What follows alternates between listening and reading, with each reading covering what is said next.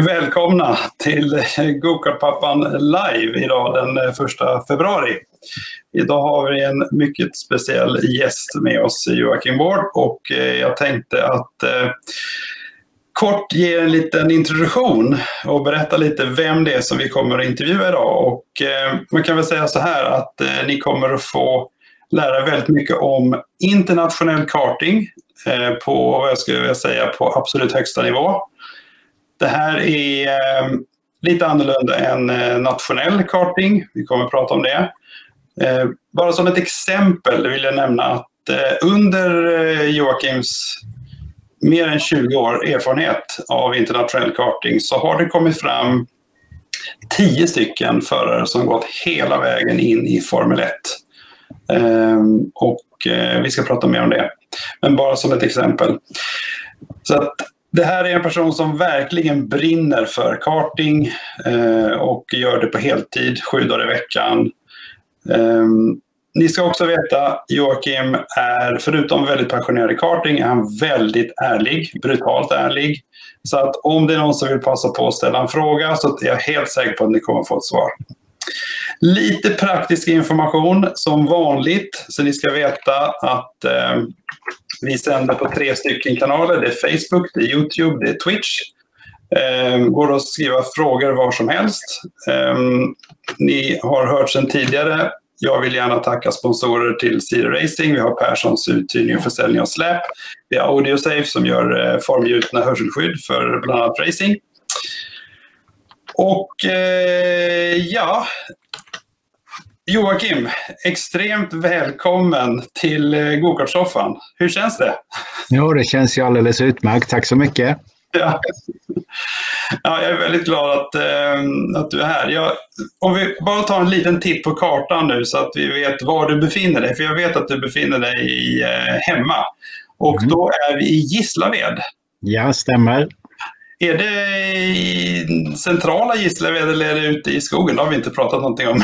Det är väl i centrala Gislaved kan man säga. Ja. Men det är, ju lång, det är ju långt ifrån världen så att det är inte så centralt. Ja, det, men eh, på något vis så har du en viss attraktionskraft. Du får eh, folk från hela världen att uppsöka dig. Så att, eh, det kommer vi också prata om om en liten stund. Men det är intressant, vi gjorde ju den här resan, vi for iväg väldigt långt norrut, nu börjar vi dra oss lite mer söderöver så att eh, bara så ni vet var vi är i, eh, i Sverige idag. Um, ja, första frågan. Du är egentligen eh, du är förare. Du har en, en, en lång karriär inom motorsport och karting från, från från tillbaka i tiden. Du är teamchef för ett eh, stort internationellt eh, eh, kartingteam. Men hur hamnade du liksom inom kartingen? Hur, vad, vad började det här? Egentligen, egentligen hela början var ju att min pappa alltid har varit väldigt motorintresserad och, och engagerad i, i vår lokala klubb här.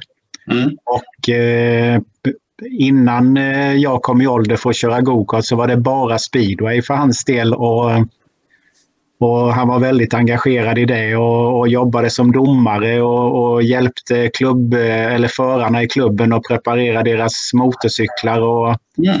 och lite sådär. Och, och, eh, men tyvärr så fanns det ingen knattespeedwaybana i vår klubb. Mm. Mm. Eh, men däremot fanns det en gokartbana istället.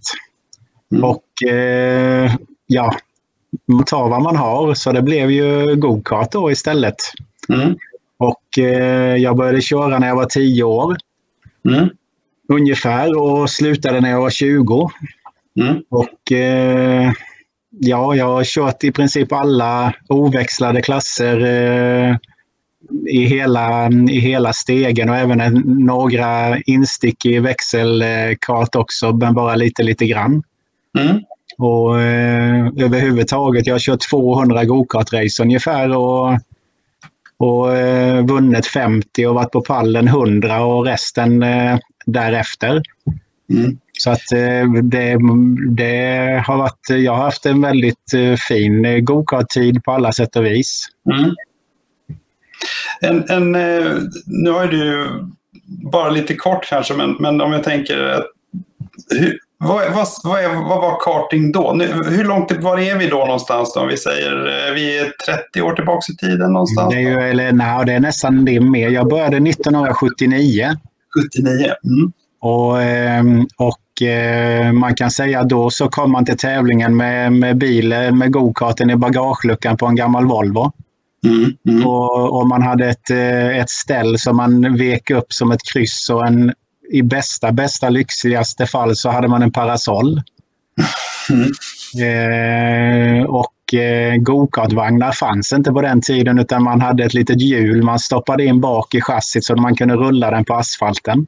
Okej. Okay. Mm. Eh, och eh, allt var väldigt, väldigt enkelt och spartanskt och, och, ja, väldigt, väldigt enkelt. Mm. Men, men tävlingssituationen är ju precis lik nu. Att alla vill ju vinna och göra sitt bästa och önskar och mm. vara snabbare än den andra och, och sådär. Så det är ju ingen skillnad på det viset. Men just eh, allt, allt runt omkring är ju en, en enorm skillnad idag. Mm. Ja, det, det låter ju verkligen så. Det vi, jag hoppas vi får fram lite. Vi, vi ska ju prata om, om eh, motorer och många olika saker här i intervjun. Och, och eh, det, ja, jag hoppas verkligen att det går fram lite grann vad, vad, vad du och ni sysslar med i teamet idag. Det, det är mm. på en nivå som, som är extrem får man säga. Men vi, vi, vi kommer att definitivt att prata med det och hur mycket, ni, hur mycket energi ni lägger på att liksom försöka hitta de här hundradelarna idag. Det, det är något speciellt. Om vi tittar på din eh, karriär. Eh, det här, jag gick in i Driver Database. Det finns ju, man kan ju gå in och titta där och då hittar vi ju ett antal, eh, som du säger, eh, här var... Jag vet att en av de senare sakerna du gjorde var att du körde en Formel Renault, tror jag. Kan det stämma? Det stämmer. Det är min sista säsong i formelbil. Just det. Mm. Mm. Eh, nu är det ju så här att eh, när, vi, när jag berättade om att vi skulle ha den här intervjun så, så kom det ju in några tittarfrågor naturligtvis. Så jag tänkte vi kan väl, jag fick några frågor som handlar just om, om eh, din, din racingkarriär. Eh, en fråga då som kommer från Hans Hansen. Han undrar eh, om du vill kommentera SM i Kalmar 88. Ja, det gör jag jättegärna. Vad hände? Jo, men det var två stycken eh, som ville vinna tävlingen väldigt gärna. Ja. Men det slutade med att de stod uppe på varandra i första böjen. Okej. Okay. Ungefär om man, om man tar det väldigt kortfattat. Så att något resultat det blev det ju tyvärr inte. Men, eh, men, var du eh, inblandad i detta på något vis? Jag var inblandad i det, ja. Jag var inblandad i det och jag, ja, jag var inblandad i det. Det räcker ja. väl ungefär så. ja, Okej, okay. då vet vi. vi får se om vi får några andra frågor. Sen har vi en annan fråga. Det gäller EM 89. Mm. Kommentera det.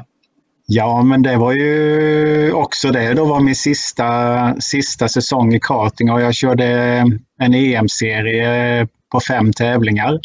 Mm. Och eh, som, som väldigt många har sett Eh, så fanns det en liten filmsnutt från Göteborg den, den säsongen bland annat. Och, och jag lyckades komma femma totalt i mästerskapet och var på pallen en gång. Mm. Och det var ju fantastiskt med, med våra mått mätt och se det, som man säger, jag och min pappa och, och eh, lite hjälp från omgivningen kan man säga så, så blev det eh, ja, en jättegod utdelning naturligtvis. Mm. Ja, det är bra. Det är jätteroligt att, få, få göra det och uppleva det mm. på det viset. Ja, det förstår jag. Um, ja, nej, men det, det, ehm, det är intressant. Eh, om man... det som... Ehm, det som är intressant att förstå nu när du då jobbar i kartingen på heltid, så att säga, vad, vad betyder den här erfarenheten som du har eh, i och med att du varit förare och varit så aktiv? Nej, men det är ju framförallt kan man säga att, eh, att eh, alla som en gång har kört en, en kart eller tävlat i det på en, på vad ska vi säga, en, en relativt eh, intensiv nivå. Mm. har ju en, en, får ju en ryggradskänsla av, eh, av att titta på de andra när de kör. Mm. Mm. Och, och, det kan du ju dra nytta av väldigt många gånger eh, bara av ren erfarenhet att, eh, att man, kan, man kan hjälpa förare med, med körtekniska saker och även, även, även inställning på bilen utan att de egentligen behöver säga någonting. Mm. Så att du får ju en överblick över händelseförloppet som, som olyckligtvis eh, nya föräldrar i karting inte har en aning om. Nej, precis. Och, och, det, men, och ju längre du håller på eh, med det, desto mer, eh, desto mer lär du dig. Det för varje dag så är det alltid någonting som, som, mm. som stärker din, eh, din kunskap. Mm. Mm. Och det är ju där... Och det är ju jätteviktigt och jag tror faktiskt att, att just det här med att man har kört själv och har den erfarenheten, det tror jag är en, en enormt viktig, mm. viktig del för, för oss att kunna leverera det som kunder vill ha. Mm. Mm. Ja, nej, jag kan ju verkligen relatera till det. Jag menar, jag har ju inte den förarerfarenheten själv. Eh, och jag menar, jag, jag hade ju gärna velat eh, kunna liksom hjälpa Siri då på ett eh, bättre sätt. det är mer ja, men, men eh, du, jag vet, vi pratade om det lite kort. Jag menar, du, din syn är väl egentligen, jag, menar, jag, jag kan hålla med om det, att när man, man skulle egentligen vilja kunna allt det man kan i slutet av sin karriär när man börjar. Mm, helt riktigt. då hade det liksom, eh, eh, då, då, får man ju säkert en eh, Ja, det går framförallt mycket snabbare tror jag. Liksom man utvecklas snabbare som förare. Det är ju, det är ju när, man, när man är nybörjare till exempel så så vet man inte ens att man ska pumpa luft i däcken eller att man ska spänna kedjan på ett speciellt mm. vis. Och, och, och sånt kan ju kosta eh, väldigt mycket tid och, och bli väldigt många problem för egentligen ingenting. Mm, mm. Och det, det, nej, som sagt, det, det underlättar ju helt klart att ha en förälder som har någon form av mm. motorsportslig anknytning. Mm. Mm. Men, men jag tycker där får man väl också, jag menar jag, jag vet ju att eh, du brinner väldigt mycket för sporten och är angelägen om att den växer och, och, det är samma för mig. Jag tycker det är väldigt kul att det kommer in nya liksom. Eh, vi, vi, faktiskt på en intervju vi hade så var någon klubb som hade någon form av fadder, alltså som, som följde med den här helt nya eh, föraren. Jag tyckte det var en ganska bra idé för att det, det är väldigt mycket basic saker som man behöver veta. Till exempel att du ska smörja kedjan efter varje pass eller mm. något sånt. Ja, men det är ju, det är ju jätteviktigt i synnerhet för de som är nybörjare att få den lilla behövliga assistansen mm. för att inte känna sig liksom vilsen och, och kanske få väldigt svårt att sluta väldigt tidigt i onödan. Ja, precis. Mm. Och det är tråkigt om man eh, faller på sådana saker som man faktiskt kan eh, förebygga. Liksom det, mm. Eh, jag, jag, jag tyckte det lät som en, eh, en klok idé med faddrar faktiskt. Jag kommer inte ihåg vilken klubb det var, men eh, kanske Järfälla. Vi får se. Det är säkert någon som, som vet, så brukar de eh, kommentera. Eh, eh, ja, intressant. Sen någonstans eh, längs vägen här så, så ändrades din karriär lite grann kan man säga och du eh, startade igång Ward Racing. Mm, stämmer. Det var väldigt eh, lite till att börja med. Mm. Eh, vi startade egentligen 1991 eh, mm.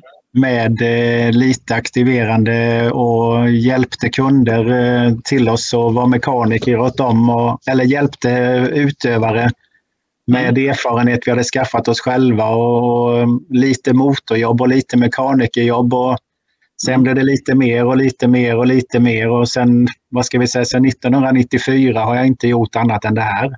Nej. Mm. Och, och, det har väl konstant växt hela tiden kan man säga under alla år i olika, olika faser. Mm. Eh, och eh, man kan väl säga att eh, vi har jobbat med Tonicart i princip alla år utom två. Mm, mm. Eh, där vi hade ett annat chassi som vi använde i början på 90-talet.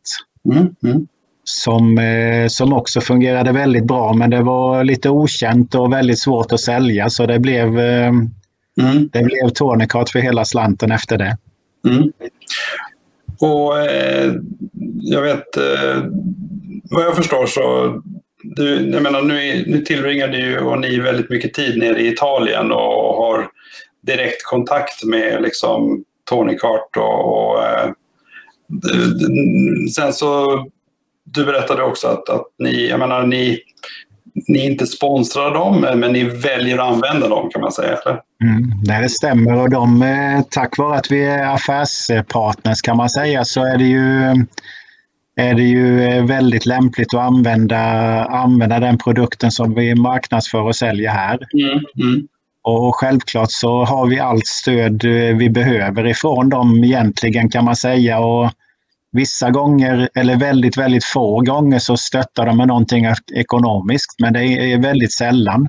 Mm. Men, men däremot om vi har några önskemål om vissa saker eller det så är de absolut eh, väldigt måna om att vi eh, får det vi behöver. Mm. Mm. Eh, och eh, det är en väldigt bra, bra samarbetspartner överhuvudtaget. Mm. Är det så, eh, om man nu pratar marknadsandelar, det har vi inte pratat om innan, men, men hur, är, är Tony Kart, hur stor del av marknaden har de egentligen? Eller vilka är de, stor, de största chassitillverkarna? Eller? Jag tror för tillfället att Tony Kart är de som säljer mest racingkartor av alla. Okej. Okay. Mm. Eh, men marknadsandelar överhuvudtaget, väldigt svårt att säga. Det är ju också beroende lite på vilken klass man, eh, mm. eller vilken, vilken eh, typ av klass man väljer att eller gradera det i. Mm. Mm. Men till exempel enhetsklasser som Rotax och X30, det är väl kanske Tonicart har väl en marknadsandel på de europeiska serierna som är där på cirka två tredjedelar. Mm, mm. Ja, är... Ehm, medan, eh, medan de tävlingarna som vi kör i är väl ungefär eh, i dagsläget cirka 25 procent. Okay. Mm. Eh, om man ser för tio år sedan tillbaka så kanske det var 50 procent. Mm, mm. Så att konkurrensen på den, eh, på den tävlingsplats eller den tävlingsformen har ju ökat väldeliga. Mm, mm, där, där andra märken är också väldigt starka för tillfället. Mm, det, det, det, verkar ju finnas väldigt många eh, chassitillverkare. Så att, eh, ja, det finns, det finns ju väldigt, Ja, det finns alldeles, alldeles för många egentligen, men, men alla vill ju prova sina vingar ja. mm. på, på något vis. Och det finns ju, jag skulle kunna tänka mig att det kanske finns någonstans runt 100 till 150 olika chassitillverkare som, som gör en kart för tävling. Mm. mm. Och, och, eh, och, och, väldigt, väldigt många av dem är ju väldigt bra. Mm. Men, men sen är det så att de stora märkena som CRG, Birel, Tourniquet och Kart Republic mm. eh, och kanske någon mer är ju, är ju överhuvudtaget väldigt starka på grund av att de har ekonomiska resurser att, trycka in i och i princip eh, fösa ut de mindre aktörerna mm. från, från marknaden mer eller mindre. Mm. Okej. Okay. Mm. Eh, jag vet att eh, om vi just när det gäller World Racing så eh, du berättade att loggan, den gjordes av någon för länge sedan i historien. Den gjordes, eh, den gjordes av eh, Robin Rudholm som nu har två söner som kör eh, Micro J60. Och han har ju kört STCC och mm. diverse olika klasser, formelbilar och Porsche Carrera Cup och allt möjligt. Mm. Han, han gjorde den när han var 12 år tror jag. Okej. Okay. Mm. Så att eh, den har funnits med ända sedan början på 90-talet. ja, det är häftigt. ja. Um, ja, det är mycket spännande och eh, idag har det ju som du säger, det har utvecklats över tid. Vi, vi ska titta lite här hur, hur ni liksom är... Vi, vi kan ju börja med att prata förare. Nu är det ju då det som är väldigt viktigt att förstå, som sagt, det här är det ert internationella liksom, team som, som mm. eh, som idag kör eh, och som ni jobbar med. Och det som är intressant att se också, det, det, det är roligt att se att här är ju liksom personer från, eller förare från Japan, USA, Ryssland, eh, Ukraina, Estland. Det, det, är verkligen från hela, från hela världen. Mm. Uh, sen, sen, kan man säga detta är ju då tävlingar som, eller dessa förare är tävlingar som kör till exempel serier som VSK eller EM och mm. tävlar i då J60, OKJ och OK. Mm. Sen eh, under året så har vi även, även engagemang i tävlingar då som, som eh, körs i den serien som heter Vortex Rock. Mm, okay. där, eh, där vi har kunder från Thailand och Sydafrika och, och, ehm, och från Sydamerika, eh, alltså från Colombia och. Peru och eller alla möjliga konstiga länder. Mm, Men mm. ofta, ofta, är det så att eh, att den kontakten som, som vi får med förare därifrån, det är ju tack vare vårt nätverk med, med Tonicart i, i världen. Mm. Där, där de hänvänder sig till oss eh, tack vare att vi använder samma utrustning som de då säljer i sitt eget hemland. Mm. Och, de har kunder där som ska komma och köra hos oss eller i Europa på de tävlingarna där och därför så blir det blir det en, en lättare kontakt till, till kunderna långt, långt ifrån. Mm, mm. Ja, och du sa att det, det, det, det, det kommer förfrågningar eh, hela tiden egentligen. Eh, och, och, det beror ju naturligtvis också på att förmodligen så ser de att det finns en... Eh, ja, ni har ett väldigt fint track record helt enkelt. Det mm. har väl det att göra, gissar jag. Absolut. Um, Ja, det är, sen såg jag också att det var en hel del eh, tjejer här. Jag är, ju, tycker det är kul. Absolut. och, och, en del är väldigt unga också. Eh, jag vet inte vem som är yngst här. Är det här i, den, ja, det är ju de som kör J60 naturligtvis. De är ju ja. 11 och 12 år. Ja. Mm. Och eh, sen det året de fyller 12, antingen kör de J60 det året eller så skiftar de till, eh, till en juniorklass då, som är möjlig. Mm. Så att det, det är ofta, ofta ju valet är lite grann hur färdig man känner sig med den klassen man håller på just nu. Mm. Eh, om man känner att man har klarat av och lärt sig det man behöver innan man ska ta nästa steg eller man ska fortsätta lite till för att skaffa sig eh, mer eh, erfarenhet och kunskap innan man väljer att byta klass. Mm, mm. Och, och, det där ligger väl lite grann i, hel, ligger väl lite grann i tiden egentligen genom hela karriären att man helst ska, ska känna sig färdig med det man håller på med innan man börjar lära sig något nytt. Mm.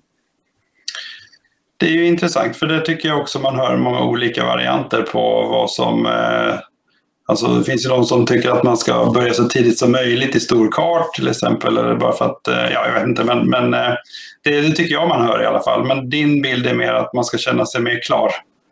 Det är viktigt. Det, det, frågan är ju, man kan ju ställa, man ska ju ifrågasätta allting egentligen. Men, eh, men man kan ju undra varför ska man köra en stor kart tidigare än vad man egentligen behärskade? Mm, mm. Eh, det, det, man, man kom inte längre fram i karriären för det. Nej. Utan eh, det kanske till och med är så att man slutar tidigare på grund av att det var för svårt för tidigt. Mm, mm. Men, men, men eh, sen är det också fysiska anledningar varför man byter klass tidigare och senare med. Då. Ja. Mm. Är, ju, är man väldigt, väldigt liten till exempel så kan man ju gott köra kvar i en klass i en mindre klass lite längre utan att det straffar en fysiskt. Mm, eh, Medan en, en, lite längre eller mer storvuxen, eh, storvuxet barn bör byta klass lite tidigare på grund av storleken. Just det. Mm. Det är ju inte det att man eh, på något vis är bättre eller sämre förare utan det är bara det att vissa, vissa klasser är, är mer eller mindre gynnsamma för, eller mer eller mindre sårbara för storleken. Mm, mm. Mm. Ja, men det, det är intressant. Jag tycker det, det, har, det, det, hör man ganska mycket. Och det, det är också faktiskt en fråga just tycker jag när man, när man eh, när man inte är så erfaren så att säga, så blir det här med klassvalet lite mer en slump. Alltså det, det är lite kompisarna ska köra det eller och det är också en faktor mm. naturligtvis som man får väga in. Man vill gärna ha någon som man kan köra med också. Så att det lite beroende på var man bor någonstans. Ja, ofta, ofta som du säger där, att ofta är det väldigt lokalt hur man väljer sin klass. Mm. Eh, det är ju det är väldigt eh, uppdelat på kartan egentligen hur, eh, hur klasserna fördelas. Att vissa klubbar där är det väldigt många som kör Rotax. Mm. Och andra klubbar finns det ingen alls. Mm. Och där kör alla X30 eller något annat eller OK Junior eller J60 eller vad det nu än är. Och, och det där är väldigt, väldigt olika i alla klubbar egentligen. Mm. Jo, vi pratade lite om det också, men vi har väl ju längre norrut man kommer desto mer Rotax blir det, va? eller? Där är det bara Rotax i Norrlandscupen i till exempel Junior 125. Jag tror inte ja. det finns någon som kör eh, X30 i Norrlandscupen. Mm. Mm. Men, men eh, det är ju tack vare att deras bra banstruktur där passar Rotaxen. Mm. Okay. Eh, och, och, här i södra Sverige så är det ju ja, ungefär halva halva som eh, är gynnsamt och missgynnsamt. Mm, mm. Ja, eh, du har någon gång, eh, jag vet inte när du sa det här faktiskt, jag, jag hittade det i, eller vårt research team hittade detta eh, i någon artikel eh, där du säger att if he wants to win, a driver must first learn to lose. Det är ju den här, den här kommentaren kommer från en artikel med Dino Beganovic. Ah, okay. för, för ett par, tre år sedan. Mm. Och, och som alla vet så har han haft fantastiskt fina framgångar eller det i sin karriär. Och, mm. men, men det betyder ju inte det att allt har gått som, liksom, som på räls hela tiden utan utan det har varit fighter att ta där och, och, och, saker som måste bli bättre för att man ska en gång kunna vinna. Mm, mm. Och, och framförallt så när man går in i en, eh, i en eh, vad ska vi säga, professionell eh, position för att köra karting och, och, och kanske på sikt kunna bli en betald förare som, eller vad ska vi säga, att någon vill betala för att du ska köra. Mm så, så måste man ju bli, ha en professionell attityd mot det man gör. Och, mm. och eh, då är det här med att, förlora naturligtvis eh, väldigt viktigt att kunna göra det utan att man tappar fokus och tappar koncentrationen eller allting mm. sånt. För att egentligen är det ju bara på jobbet. Mm. Eh, och ska utföra ditt arbete för dagen för att gemensamt kunna skörda framgångar någon gång senare. Mm, mm. Och man vinner inte varje gång man är på banan, snarare tvärtom eh, så är det väldigt sällan. Så att eh, när man väl har lärt sig att förlora och kunna dra de erfarenheterna från det mm. så, så lär man sig att, att veta vad man inte ska göra eh, om man då vill vinna en gång i tiden. Mm. Så att, eh, det, det är ju, ja, hur som helst. Eh, jag tror att, eh, att det är ju framförallt också en, en, en, en mental känsla man måste ha att, att kunna dra nytta av de dåliga sakerna för att det ska bli, man kan nyttja det, eller nyttja det till positivt eh, i andra lägen senare. Mm. Och, och av de förarna som, de som du jobbar med och ni jobbar med, du, du ser att det, det, är en del, det är liksom en del av deras utveckling. När de, när de börjar kunna de här, det, det är de som blir riktigt duktiga. Och det är så som du, mm. man kan se ett mönster, att, att det är viktigt att liksom ha den här mentala utvecklingen, om vi kallar det för det. Oh ja, det är ju det, är ju det absolut viktigaste egentligen för att eh, Visst, det är skillnad på förares eh, vad ska vi säga, kompetens i att köra runt banan och göra det snabbt eller långsamt. Mm. Men, men det är ju någonting som man tränar på hela tiden, på att förbättra och förbättra och förbättra det hela tiden. Mm. Men, men just eh, instinkten för tävling och välja rätt beslut vid rätt tillfälle och, och så vidare är ju kanske ännu viktigare för att kunna ta tillvara på sin möjlighet. Mm. Mm. Och, ehm, och, och det, det, måste ju följas upp eh, minst lika mycket som egentligen körtekniska detaljer. Mm. Och jag, jag, tänker också på en internationell nivå så blir det väl också mer eh, kanske mer media. Det kommer folk och faktiskt frågar ut och intervjuar både om man har vunnit eller om man gjort ett dåligt race. Och, mm. kan jag tänka mig. Och det är också något som ni kanske tränar på, eller hur? Nej, men det där är ju... Nej, det kan jag inte säga att vi tränar på direkt utan... Eh, utan eh, naturligtvis så, så försöker man ju eh, guida, guida förare så att de beter sig som folk kan vi väl säga för det första. Mm. Men, men i, i, en, eh, i en professionell omgivning eller det så blir barnen väldigt duktiga på att kommunicera med vuxna efterhand. Mm. Mm. Som, som är liksom en gratis eh, biljett för dem till, fra, till framtida yrken eller vad det nu än kan bli. Mm. Så att eh, det, det, är en väldigt positiv sak, alltså se den eh, personliga utvecklingen som, som, eh, som alla genomgår under tiden. Mm. Ja, nej, men det, vi har fått, jag kan bara säga att vi har fått några heja på här.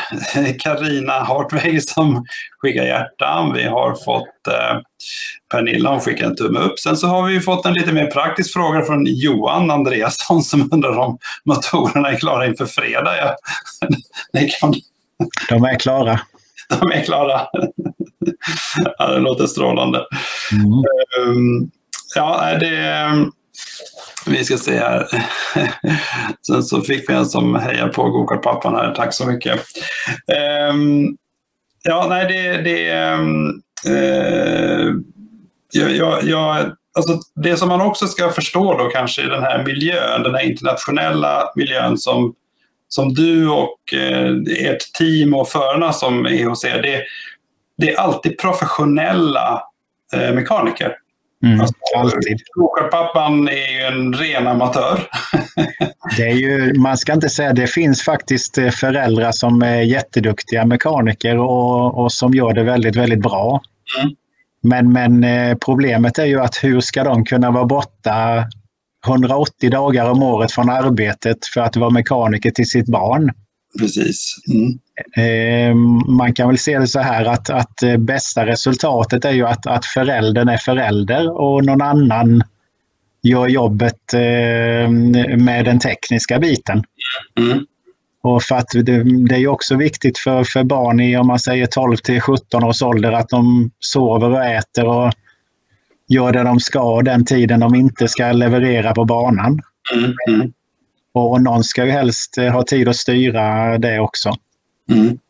Ja, nej, men det, det, det, blir ju också precis som du säger, det att de, de, får en helt annan kontakt med vuxna också. Alltså det, det är proffs som eh, eh sköter om deras eh, liksom, eh, kart och, och ni är proffs som ger dem eh, förslag på hur de ska utveckla sig på banan och sådana saker. Så det blir en, en, kontakt med vuxna då, inte bara föräldrar utan det blir en annan, en annan miljö så att säga. Um, ja, Eh, vi ska se här. Om vi tittar ännu mer in i teamet. Mm. Ska du, vilka är ni här? Jag ser att det är, det är du, det är din dotter, din fru och din far, stämmer va? Stämmer bra det. Och vem gör vad? Vem gör vad? Man kan väl säga att, att eh, jag har väl den, det övergripande ansvaret i, i eh, i eh, att vi är snabba på banan. Mm. Eh, kan vi säga. Och, ehm, och eh, naturligtvis för planering och, och, och utrustning och, och allting sånt här. Mm. Sedan min fru till exempel, hon är väl lite spindeln i nätet som sköter alla, eh, all administrativ eh, hantering vad det gäller anmälningar och bokföring och betalningar och, och allt vad kan tänkas i pappersväg samt ja, allt som inte hinns med av någon annan egentligen. Mm. Och eh, sen min dotter hon jobbar med oss på alla tävlingar eh, som till exempel eh, eller hon jobbar med oss hela tiden och är med på alla tävlingar och tar hand om barnen så de liksom gör det de ska och fyller i sina scheman efter varje träningspass och, så vi vet och har lite back, backup i, på informationen och mm. vad som händer och även se till så de eh, ja, ha kläder som ser vettiga ut och, och eh, att inte det fattas något rent, eh, rent mänskligt på det viset. Och eh, sedan min pappa, han hjälper mig, eh, han är 76 år just nu, men han hjälper mig flera dagar i veckan och, och, jag vet inte vad som händer den dagen han inte kan göra det men det, skulle, det kommer bli väldigt, väldigt svårt. Mm. För du berättade att han är, också, han är väldigt motorkunnig. Du berättade ju från början också. Det, det är ju, han, eh, hans, han har ju en, vad ska man säga, han har en så pass bred motorkunskap så att eh, man undrar egentligen hur herrans namn han har lyckats att lära sig allt det i, i livet. Men, mm. men, men eh, han har en väldigt god upp, alltså, realitetsuppfattning av, av motortekniska eh, saker. Mm, mm. Kan vi säga. Det, det, har man några tokiga idéer så kan man fråga honom om, om det är värt att, att gå vidare med det. Och säger han nej så behöver man inte göra det. Och säger han ja så är det bara att köra på. Mm, mm. och, och eh, så att nej, han är en väldig tillgång. Mm. Och jag har faktiskt sett på bild också att Rebecka hon kör läxläsning ibland. Absolut, det är ju hela, hela eh, hela, vad ska vi säga, hela menyn. Men det är ju också en väldigt viktig faktor, just allt det här runt omkring. För att eh, det får man också förstå när man är med ett team, med ditt team, så att säga, då är man ju Ja, du, du nämnde 180 dagar eh, iväg på olika tävlingar eh, och träningar om året. Alltså det är ju väldigt många dagar som man är liksom inte i skolan eller hemifrån.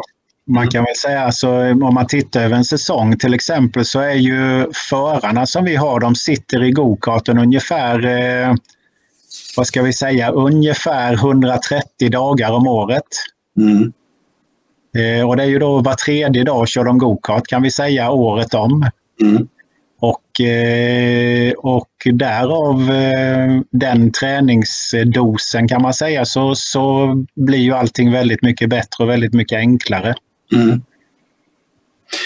En annan bara, som jag kommer att tänka på, det är mest engelska ni pratar i, i eh, mm. teamet, eller hur? Ja, det är, ju, ja det, är, det är det mesta. Vi har ju alla möjliga nationaliteter på allting, men, mm. men alla förstår ju engelska ja. mer eller mindre i alla fall.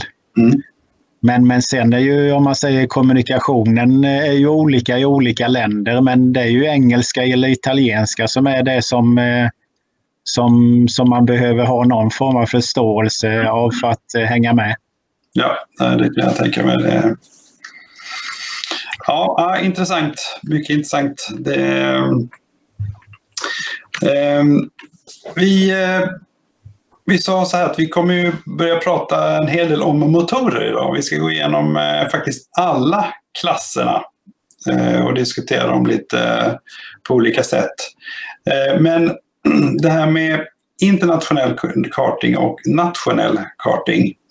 Vad, vad, vad ser du för skillnader där och vad ser du liksom vad, vad bör man göra, vad bör man inte göra kanske? Mm. För det, det, det är risk att man blandar ihop de här. Det, det är två olika saker. Ja, nej men där är ju, det, är ju, det är ju samma sport på två helt skilda sätt att göra det. Mm.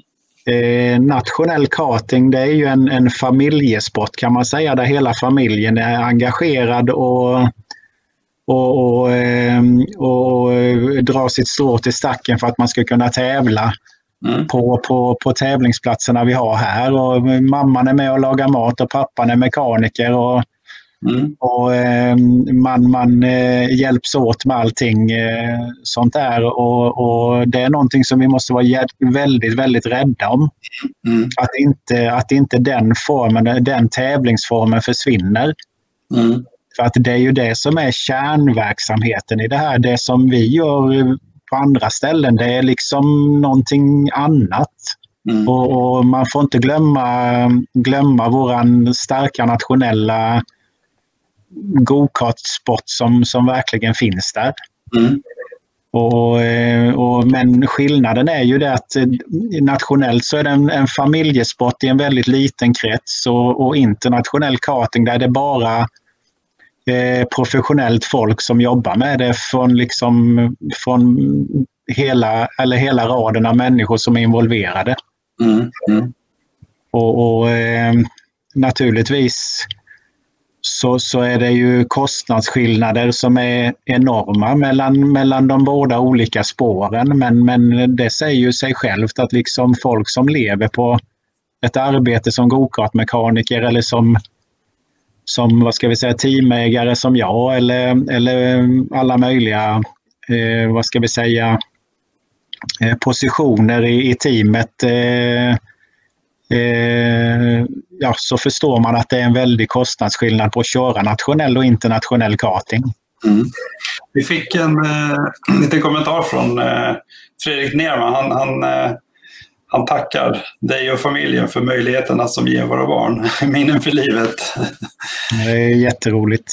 Det, det, det är fantastiskt. Eh, eh, tack det är, det är tur, tur vi har kunderna. Ja, nej, men det, det måste ju vara ett samspel här. Liksom, mm. mellan, eh, men det är klart att det, är, det måste vara en fantastisk eh, liksom, möjlighet att eh, komma ut på den nivån och ha den här proffsen. Som, det, det, var faktiskt så att jag pratade lite kort med Lukas Kaczynski innan intervjun. Och då, då pratade vi lite om mekaniker, i det här fallet Elliots mekaniker som som tydligen hade varit mekaniker sedan unga år och hans far hade varit mekaniker i sin mm. Han, eh, hans mekaniker har varit mekaniker sedan han var 13 år. Ja.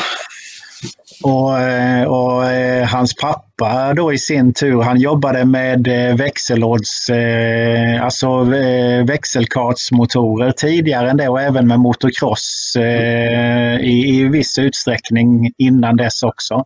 Mm. Och, och, så han är ju född in i det här kan man säga. Men han har aldrig kört, men han har ändå haft mm. en gedigen eh, uppväxt i, i sporten. Mm.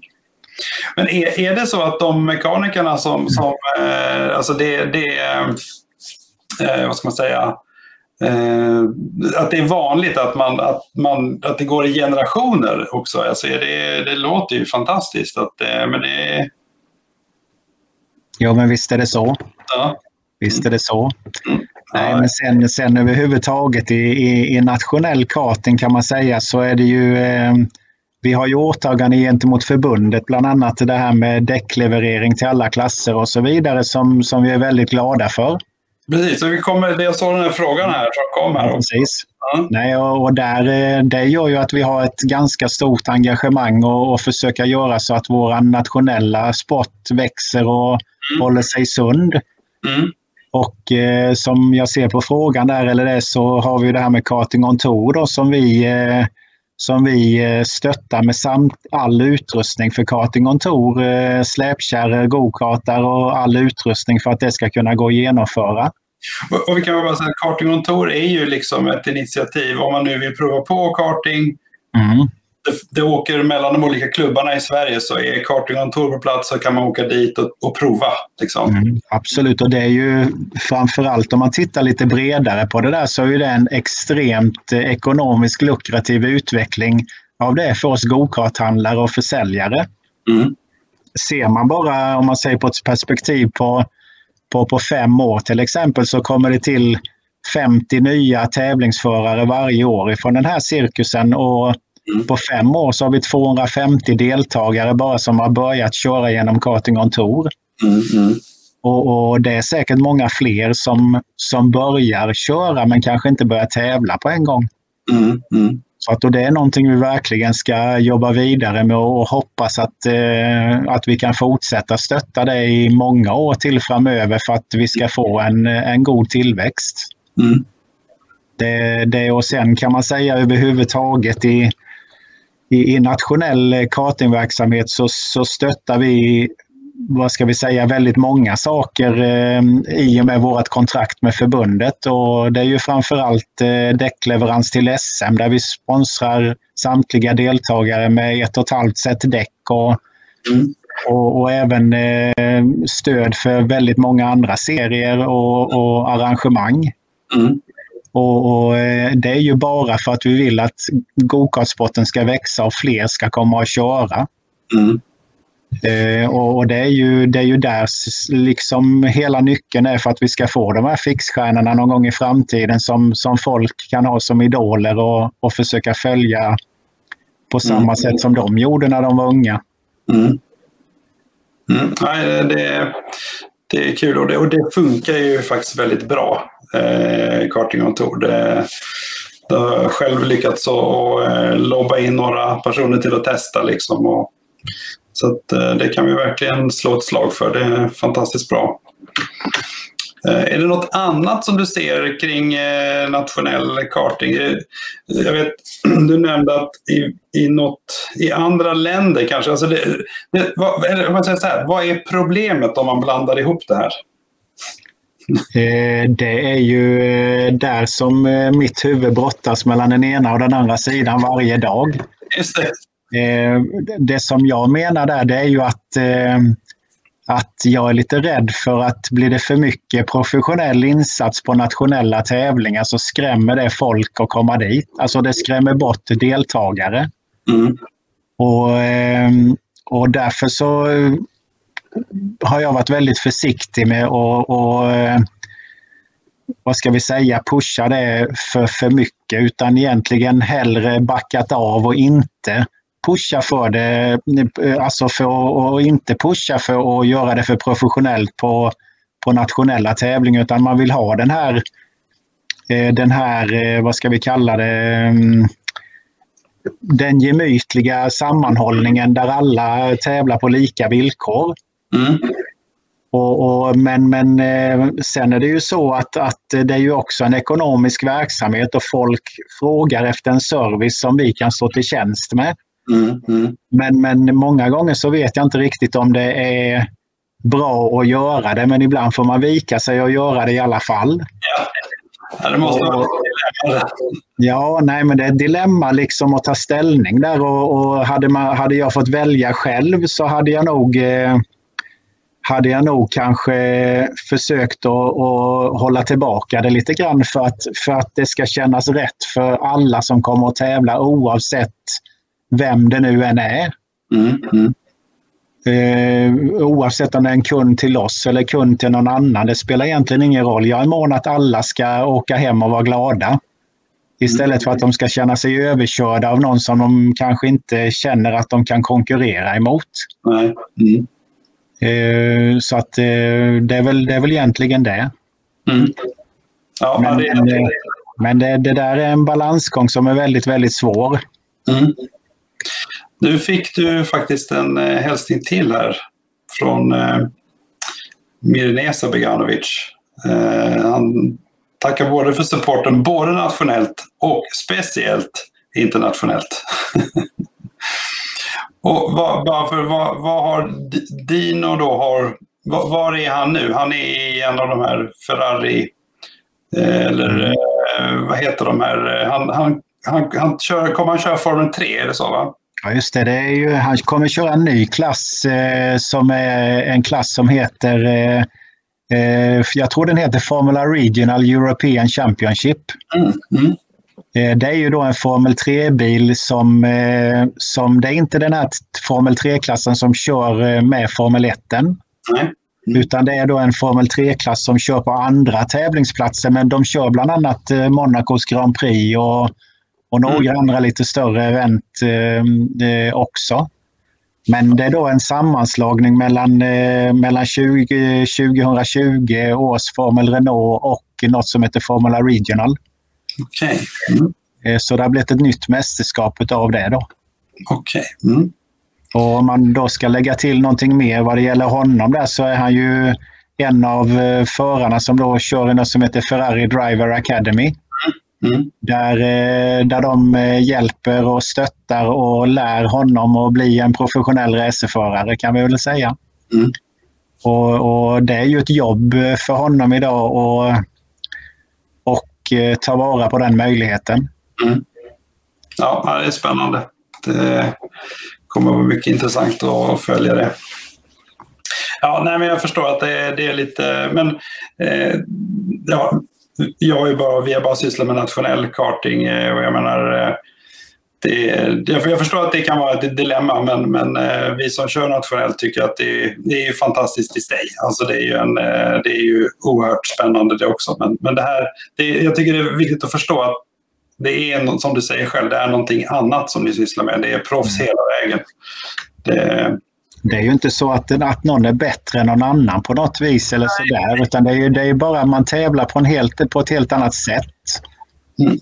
All, båda sakerna är ju fantastiskt roliga på sitt sätt men det, det, det man ska passa sig för att blanda. Ja, mm. ja nej, jag tycker vi, eh, vi, vi, vi lyssnar och lär. Mm. Sen, eh, tänkte, sen ska vi byta lite tema här. Nu har vi pratat mycket om eh, Racing och teamet. Men eh, jag, fick, jag har ju fått vissa indikationer om att du tillbringar rätt mycket tid i, eh, vid bromsbänken. Eh, är, det, är det sant eller? Både ja och nej. Mycket, mycket tid är det inte.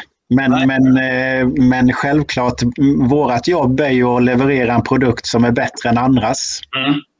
Och, det kräver ju en viss insats för att göra det. Mm. Och då är ju naturligtvis en testbänk ett, ett viktigt verktyg för att se så vi inte kommer fel. Mm. Och eh, tack vare att i de klasserna som vi jobbar mest, där är ju där är ju möjligheterna så ofantligt mycket större än i, i, i eh, vad ska vi säga, nationella entypsklasser. Mm. Där, du har, där du naturligtvis har andra möjligheter att förbättra dig men, mm. men vi har då en möjlighet att, och, vad ska vi säga, eh, tillverka och, och, modifiera och ändra komponenter i motorn inom regelverkets ramar. Mm. Och, och det, det, ofta kan man säga att man har en hiskelig stor valmöjlighet där som man, som man skapar sig själv och, och ska bara hitta den rätta kombinationen. Mm. Eh, med de detaljerna som, eh, som man, ju, man skaffar sig tillgänglighet till. Mm. Så att eh, kom komplexiteten blir enormt mycket större kan man säga. Mm. Jajamän, alltså ut, utvalet av, av komponenter är ju väldigt stor. Mm. Och, och, eh, och, och, sen så lär, behöver man ju lära sig att förstå vad de här gör för att sen kunna kombinera ihop det till en, eh, mm. till en fungerande produkt. Mm. Och, och, eh, Man kan säga som vi kör tävling till exempel om vi nu ska ta OK-klassen som kanske är den mest komplexa klassen. Mm för tillfället så, så kan man säga att, eh, att när vi åker på en tävling så har vi fyra eller fem specifikationer på motor i olika, kombination, olika kombinationer för att passa olika typer av banor. Mm, mm. Och, eh, och, eh, och sen försöker man ju naturligtvis hitta det rätta eh, vid alla olika tillfällen. Mm. Eh, och, och, det är ju det att, eh, att de är då vad ska vi säga, man kan säga trimmade eller preparerade på olika sätt. Mm. Och, och, vissa komponenter är olika och andra är bara olika olika inställningar av likvärdiga komponenter och så vidare. Men det, valmöjligheterna är ju enorma. Mm. Och, och, det gör ju att, att eh, det är väldigt lätt att det går fel också. Mm. Och du berättade också att eh, ni vill kanske också verifiera dåliga kombinationer för att oh, ja. dem. ja, ja, men absolut. Du gör ju alltså, när man då, om man då tar testbänken eller bromsbänken som ett exempel så kan man ju säga att eh, 98 av 100 tester är dåligt och två är bra. Mm. Men, men vet du inte de 98 dåliga så, så eh, blir kanske 100 tester dåliga. Mm. Så att, eh, men, men eh, sen är det ju även bara rena mekaniska saker som man behöver prova också. Alltså det är toleranser i, eh, i, i, i till exempel om man bara ska ta vevaxeln som ett exempel att man kan köra olika toleranser i vevstaken som ger motorn en olik prestanda. Och, mm. och, eh, och, lite sådär, alltså det är ju många bagateller som, som, som gör någon skillnad. Mm. Och man kanske ska förklara då, man tycker att det, det här låter ju väldigt, väldigt detaljerat, men du jagar hundradelar va? Det är ju, det, ja, men det är ju hundradelar, men sen kan man se om vi till exempel har en bra dag på jobbet i bänken. Mm, mm. Så har vi i, i, i, en OK Junior kan vi säga. Mm. Så, så, om vi hittar till exempel 0,1 hästkraft i genomsnittseffekt mm. så är det ett bra jobb. Det mm. gör du liksom inte på en förmiddag utan det kanske tar flera månader. Ja. Och, och, och, ska du hitta en tiondel som, som då i, i, i uträkningen är ungefär 0,25 hästar i genomsnitt på en OK Junior. Mm. Det, det, kan ju ta ett halvår att hitta den där 0,25. Om, om man nu någonsin ens gör det. Mm. Mm. Det, det, och då är det ju ofantligt mycket som eh, har gått i, i, i soptunnan under vägen där. Mm. Men, men det, det är ju det som är, och till exempel i J60 då som en klass, där, där letar man ju 0,01 hästkrafter i någon, eh, i någon form, liksom, eh, om man nu ska byta ut några detaljer eller ändra på någonting eller sådär. Det är ju löjligt egentligen. Mm, mm. Ja, det är det... Men, men som till exempel i OK-klassen där så är, är är det inte säkert att en väldigt bra bromsbänkseffekt är det som är effektivast på banan. Mm. Mm. För där, där, är, där har motorn så ofantligt mycket kraft mm. så att du kan eh, förflytta den kraften ganska rejält och det gör ingenting om du spiller lite effekt mm. genom att få en mycket bättre körbarhet. Mm. Mm. Eh, så att den klassen är ju då enklare att göra mer roliga resultat i, alltså i rent matematiska termer. Mm, mm. Men, men, eh, men det betyder inte att du kör snabbare runt banan. Om du har eh, åtta hästkrafter mer vid 14 000 varv till exempel än vad du hade innan. Mm. Det kanske bara är så att det går saktare ur svängarna istället. Mm, mm. Och du vinner inget någon annanstans. Men, men Nej, men oavsett, eh, det är ett väldigt bra hjälpmedel eh, att stämma av eh, läget. Ja, den här bilden tog jag från ditt julkort på Facebook. Mm. Det där... bland, bland, annat, bland annat idag så har vi testat några X30-motorer som vi har fått in för renovering. Ja, just det.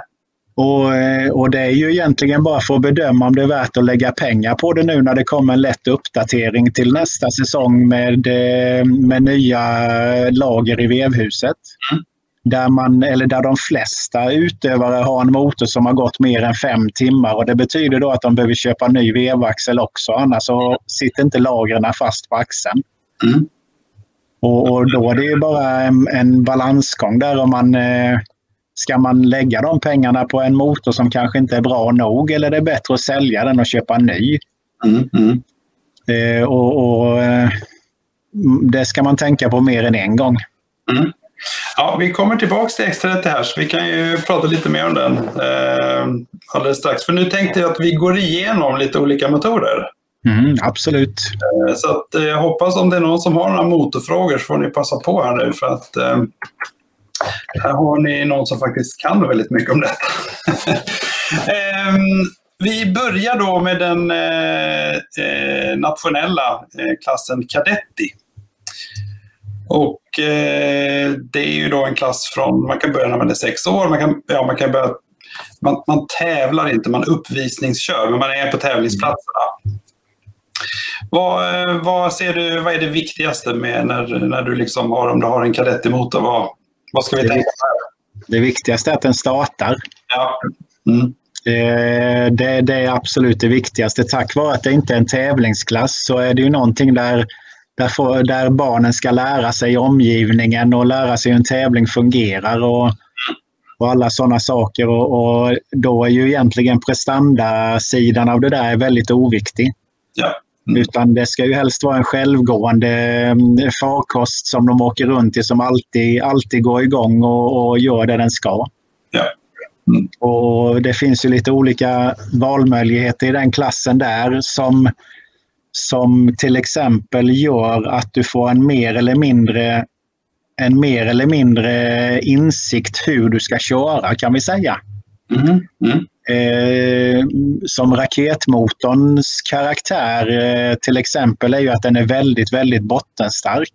Mm. Eh, medan då eh, Parilla Cadetti-motorn är ju mer att köra som en vanlig J60-motor kan man säga. Fast då en, den, eh, den är ju naturligtvis mycket svagare men gör du ett misstag till exempel så, så kostar det ju i utgången på svängen tack vare att du har en mycket svagare mm. acceleration i början. Mm. Så att man kan väl säga rent utbildningsmässigt som förare så är det ju föredra föredra eh, Parilla-motorn just i, eh, i, i, i förarutvecklingssynpunkt eller så. Mm. Eh, tack vare att den, eh, den reagerar på ett annat sätt vid ett körfel till exempel. Mm. Okej. Okay. Mm. Och fördelen med den andra då, den här Raket 95 Cadetti, är det då att man kan eh, bygga vidare på den om man vill gå över till mm, Absolut, du kan ju använda den hela din, din minikarriär egentligen när du väl har köpt motorn. Och den stora fördelen är ju priset naturligtvis. Mm. Eh, motorn är ju inte, absolut inte dyr på något vis utan den, eh, den, den är ju förhållandevis billig för att du kan använda den så länge och i så många klasser. Mm.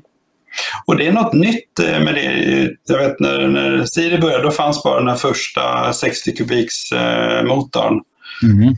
Men eh, så det, eh, ja, det är väl de två alternativen som finns. Men jag, jag, tror precis som du säger att det viktiga här är att den startar. Jag tror det är eh, av de barn man brukar se ute på, det, de som gråter det är ju när, när inte föräldrarna får igång motorn. Mm. det, det, är väl liksom, eh, så att det är väl det viktigaste. Som du säger. Om vi fortsätter lite här på raket. Nu är vi fortfarande på nationell nivå. Då heter de ju Raket 95 och de finns i mikro, det är mikroaluminium. Och det är egentligen bara en avgasfläns som skiljer egentligen mellan de, här klasserna. Jajamensan, det stämmer. Mm. Och det är ju egentligen det är ju egentligen väldigt bra klasser. Eh, lättillgängligt och kostnadsmässigt väldigt, eh, väldigt eh, uppnåeligt för väldigt många. Mm. Eh, naturligtvis eh, är, ju, är ju allting i alla klasser inte bara positivt men, eh, men eh, de här klasserna är, är väldigt bra. Sen är väl kanske då naturligtvis där som i många andra klasser som är entypsklasser där man inte får ut, utföra någon form av bearbetning. Mm. Så blir det ju så att, att individer av olika eh, indiv, motorindivider utmärker ju sig på grund av att produktionstoleranserna eh, eh, inte är tillräckligt tajta. Mm, mm. Och, och, det gäller ju väldigt många. Väl, det gäller ju alla raketklasser och även Rotax-klasserna som har en, eh, en, en Rotax är ofantligt mycket bättre idag men, men eh, fortfarande är det ju ganska stora skillnader eh, på, på, på olika produktionsserier kan vi säga. Mm, mm. Så att när verktygen är nya så är det si och när de är slitna så är det något annat. Mm, mm. Och, och, och, så vidare. Så att där är det är lite synd men, men ändå så är det ju är det förhållandevis en, en eh, väldigt bra klass. Mm. Eller bra klasser överhuvudtaget. Ja, nej alltså vi har ju kört Mini här ett par år och tycker att det är, alltså det är en fantastiskt rolig klass. Och man, mm. man kanske också kan säga, men det är väl också så, det finns ju väldigt mycket förarutveckling under de här åren. Som, så att mm. variationerna i förare förmodligen är kanske större än variationen i motorerna. Jag vet inte vad du, vad du, hur du ser på det. Jo, men det är nog, både, det är nog lika på båda håll kan vi säga. Mm. Det, det, men, men man får inte glömma ändå att, eh, att eh, eh, det här med att folk liksom kommer in och är rosenrasande och säger att byt motor. Mm. Till exempel och så blir det monterat en annan motor och så råkar den av någon anledning gå bättre. Mm. Det, det, kanske bara är så att, som på mikro till exempel, det kanske bara är så att den ena förgasar eller bensinjusteringsskruven på förgasaren är två minuter fel. Mm. Så hade det löst hela problemet. Men, men tack vare att eh, 95 procent av alla som engageras i de här klasserna eller föräldrar som inte har erfarenhet Mm. har ingen aning om hur känsligt sånt här egentligen är. Mm. Mm. Det, det rör du på skruven där eh, en eller två minuter, det kan ju göra en halv sekund runt banan. Mm. Mm. Eh, av, av ren eh, alltså ovetskap. Så man ska inte stressa upp sig i onödan liksom om det går dåligt. Nej. Mm.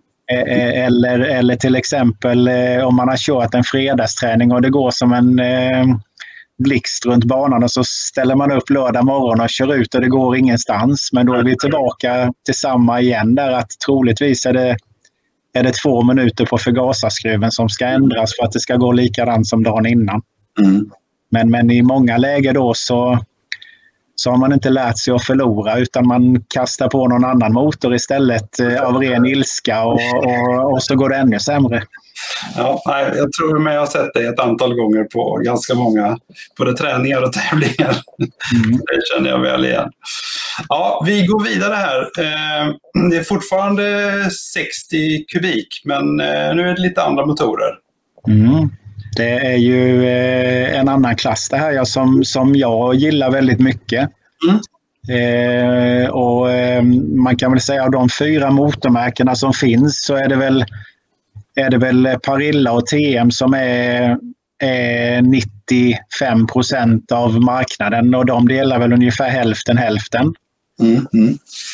Eh, prestandan mellan de olika märkena är väl, är väl mellan de två relativt jämn. Det går lite i böljer beroende på vilken bantyp och så vidare vi kör på men, men eh, i det stora hela så är det inte stora skillnader mellan dem. Nej. Eh, sen så efter det så kan man säga att Vortex, eh, den längst till höger på bilden, Mm. eh, är något långsammare än de andra två. Mm. Eh, och så även LK1 då. Eh, men alla jobbar ju naturligtvis framåt för att eh, förbättra sin, eh, sin egen produkt och så vidare. Och vissa, vissa kommer till målet och andra kommer inte dit. Mm. För att även, även de som är bäst för tillfället jobbar ju hela tiden för att bli ännu bättre också. Mm. Eh, och, eh, sen, sen pratade vi ju tidigare om bland annat det här med, med att det byts motormodeller och olika grejer i den här klassen eller så. Men, och det gör det ju, men, men, eh, men de har ju dock ändå fem eller fyra års eh, klassningsintervall. Mm. Så att motorn eh, är ju då normalt sett, normalt sett en motor som håller i fyra eller fem år. Mm. Och, och under den tiden så är det ofta så, eller har det varit tidigare enligt, eller man kan säga att alla som kör de här klasserna har följt ett tidigare italienskt regelverk. Mm. Mm. Där, eh, där motorfabrikanterna efter två år av den här femåriga intervallen har haft en möjlighet att göra någon lätt form av uppdatering. Mm. Där man då får ändra på vissa, vissa saker Mm. på motorn. Det är vissa saker du inte får ändra på och vissa saker får du ändra på. Då har ju några valt att göra någon eh, lätt modifiering där Mm. eh, för att förbättra konkurrenskraften på motorn. Mm. Men, eh, men det är väldigt, väldigt lite uppdateringar eller det på motorn överhuvudtaget. Utan det är ju det som, det som händer för år från år är ju att folk lär sig och, eh, och nyttja motorn på ett bättre sätt. Mm. Och det gör prestandaförbättringen då som blir efterhand hela tiden. Mm. Så att, men, men eh, till exempel till detta året så, så eh, försöker ju, eller till just till detta, men till alla år så försöker ju alla förbättra sig lite grann hela tiden. Mm. Mm. Om man, om man tittar cykeln över förra året till exempel så, så var ju den som utvecklades bäst var ju Parilla egentligen som utvecklades bäst under, under förra säsongen eh, kan man säga och, och TM var väldigt stora till att börja med och, och fick skänka lite av sin marknadsandel till Parilla som kom väldigt starkt. Mm. Men, men eh, ser man till slutfasen på säsongen så, så är det i princip eh, i princip ingen skillnad på det ena eller det andra. Mm. Så, så, vad som händer då egentligen är att om man ser att den här motorn går bättre, då, då kommer de, team, ni byter, ni, ni börjar också liksom, då, då, då kör ni parilla. Om ni ser att det är de som utvecklas bäst under ett år, då... Ja, nej, det är så enkelt är det väl inte. Det beror på lite grann vilken, eh, vilken, vilken eh, samarbetsnivå du har med din leverantör. Mm, mm. Eh, har du en mångårig relation och eh, ett bra klimat att jobba i så, eh, så byter du väldigt sällan. Mm.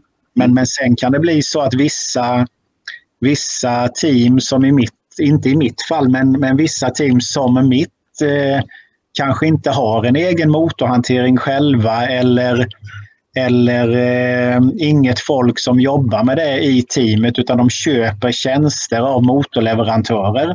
Mm, mm. Och, och, i det fallet så måste de ju bara ha en konkurrenskraftig motor till sina kunder. Just det. Och det spelar egentligen ingen roll vad det står på den. Mm.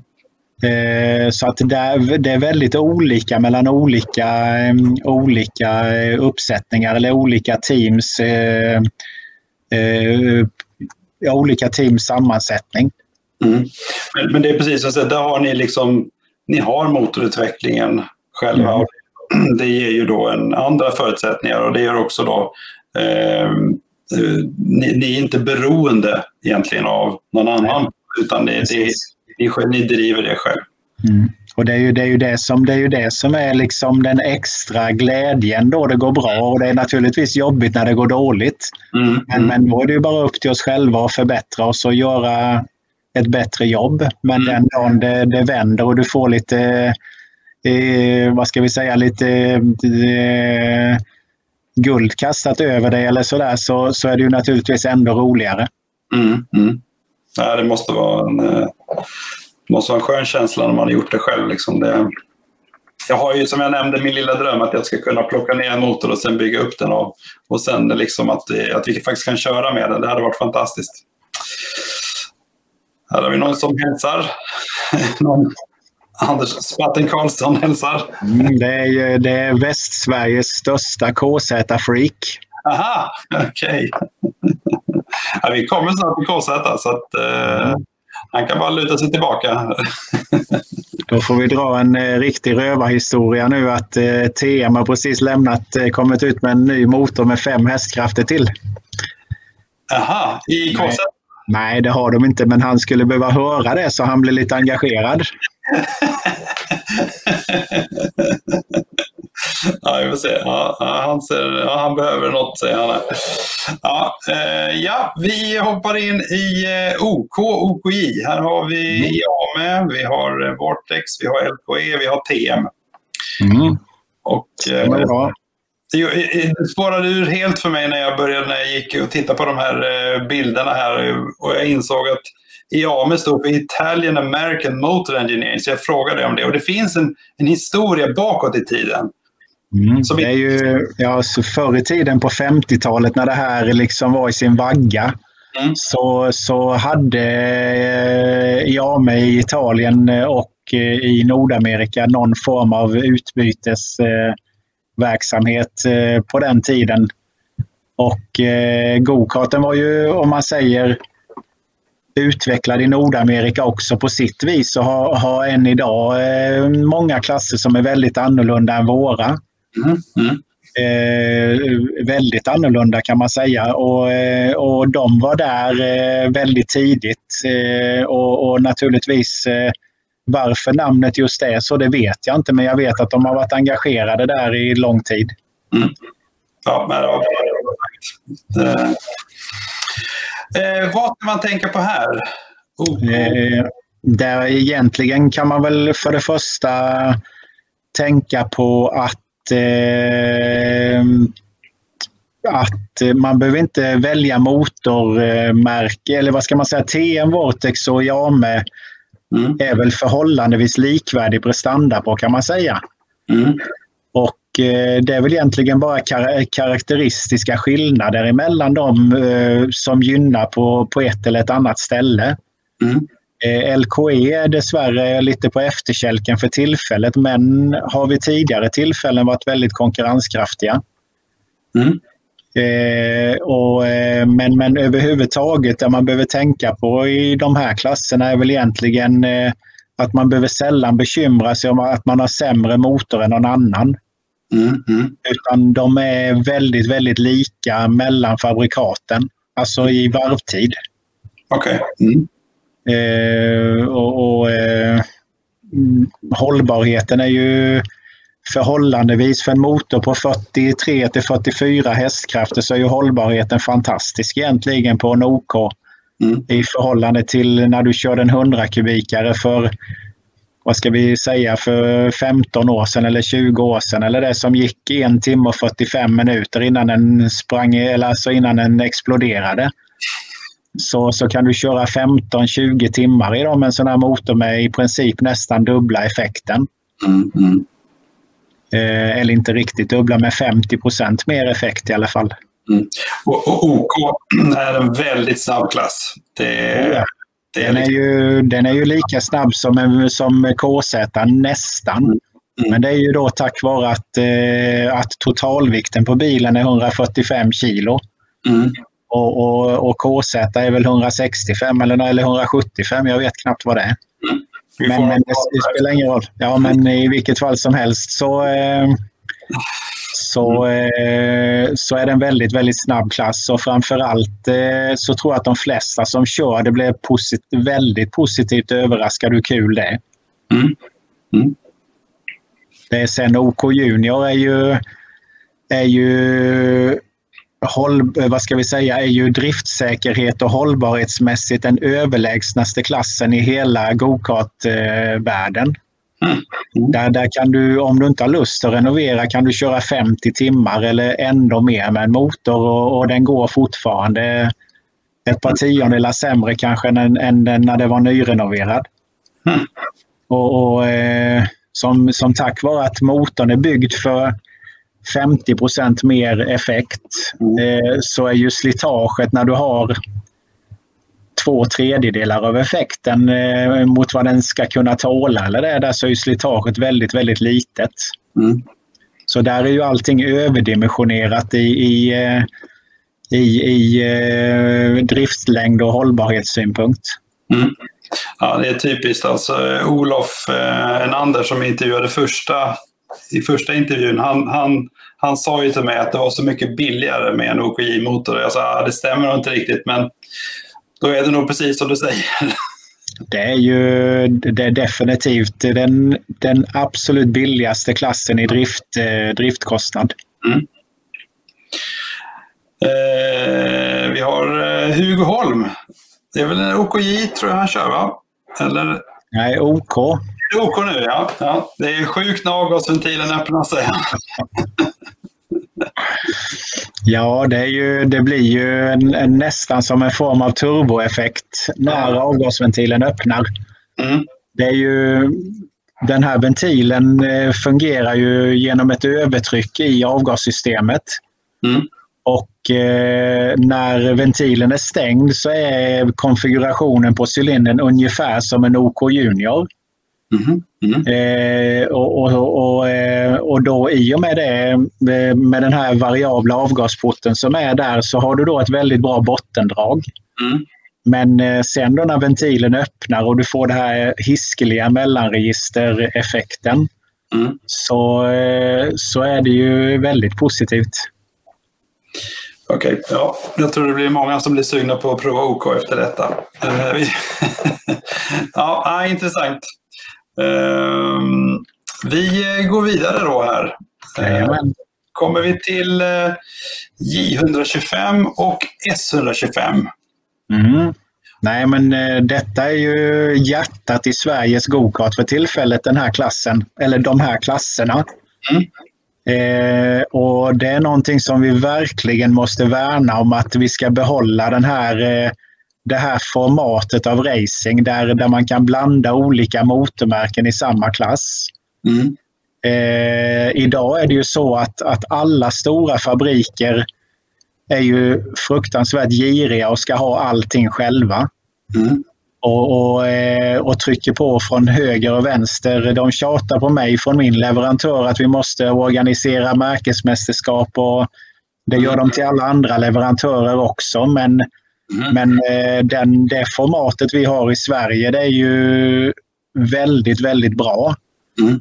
Där, där vi kan köra samma klass med samtliga, samtliga motormärken på en förhållandevis likvärdig konkurrensbasis.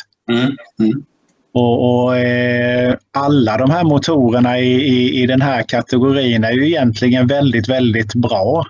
Mm. Men också ofantligt olika. Mm. Eh, om man börjar med X30 till exempel så är ju den eh, utseendet av denna motorn kommer från en 100 kubiksmotor från, från tidigare 2000-talet kan man säga. Mm. Eh, som då har blivit förfinat till en, eh, till en, vad ska vi kalla det, professionell hobbymotor i medelklassen. Mm. Mm. Eh, som, är väl, alltså som, som liknar en, en, en ja, det är en gokartmotor kan vi kalla det. Mm. Eh, och, och, den är ju jättepopulär på väldigt många ställen och, och, och fungerar fint och är, har väl egentligen bara en negativ detalj, det är att den är lite dyr i, i drift. Mm. Mm. Men, men, men i övrigt så är det en, en väldigt fin motor för denna klassen. Mm. Och, och, nu när vi är inne på X30, vi var inne på det innan, men nållagren, den här uppgraderingen som har, har kommit. Mm. Första frågan är ju naturligtvis, ska man byta? När ska man byta och varför? Kan du förklara först, vad är det som uppgraderingen består av? Mm, det, som, det som består av, eller uppgraderingen är ju väldigt, väldigt liten egentligen. Mm. Det, det enda, endast skillnaden som är från förra året till detta året är då ett rulllager som används som eh, vevaxellager mm. Istället för de traditionella kullagerna. Mm. Skillnaden med det är ju att eh, för det första så är ju livslängden på lagren tiofaldig. Eh, mm. De vanliga lagren, så du behöver i princip inte byta dem på två säsonger förutsatt att det inte kommer någon smuts i dem. Mm. Mm. Eh, och sedan i och med toleransen i lagret minskar vibrationerna i motorn. Mm. Så gör det ju att den, den får mindre stress och av det sliter mindre. Mm, mm. överhuvudtaget. Och, och, även som en annan positiv detalj är ju att motorn faktiskt levererar mer effekt med dessa lagren också. Den gör det, för det är ju säkert mm. det, det gör det, men, men det är ändå inte mycket, men det är dock ändå mm. märkbart. Mm. Eh, och som vi, vi har pratat om tidigare där så, så är det ju så att eh, att det kostar några kronor att få den uppgraderad för att eh, tyvärr är det så att alla som har en sån här motor som har gått mer än fem timmar mm. eh, blir ju tvungna att byta vevaxeln också. Mm. Och det är bara för att eh, axeltapparna slits eh, när du kör eh, och den glider inne i kullagret. Mm. Så, så blir det slitage på vevaxeltapparna och de eh, när de har blivit slitna en hundradel eller mer så kan du inte montera dessa nya lagren för då glider hylsorna från axeln som ska pressas på där, de glider väck för att axeltappen är för liten. Mm. Mm. Mm. Eh, och, och, eh, men, men då kommer man ju till ett annat läge där eh, som, eh, som man då ska överväga flera gånger att, att det ska kosta på min motor en vevaxel och lager och mm. och så vidare. Är det värt att göra det eller kanske är det värt att, att låta bli det och istället köpa en helt ny motor som kostar dubbelt så mycket som den här uppgraderingen kan vi kalla det. Mm. Eh, där är ju också en, ett, ett vägval man måste, måste fundera på ett par gånger innan man väljer det ena eller det andra.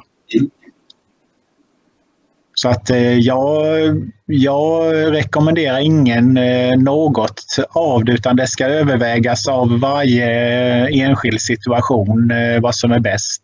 Mm.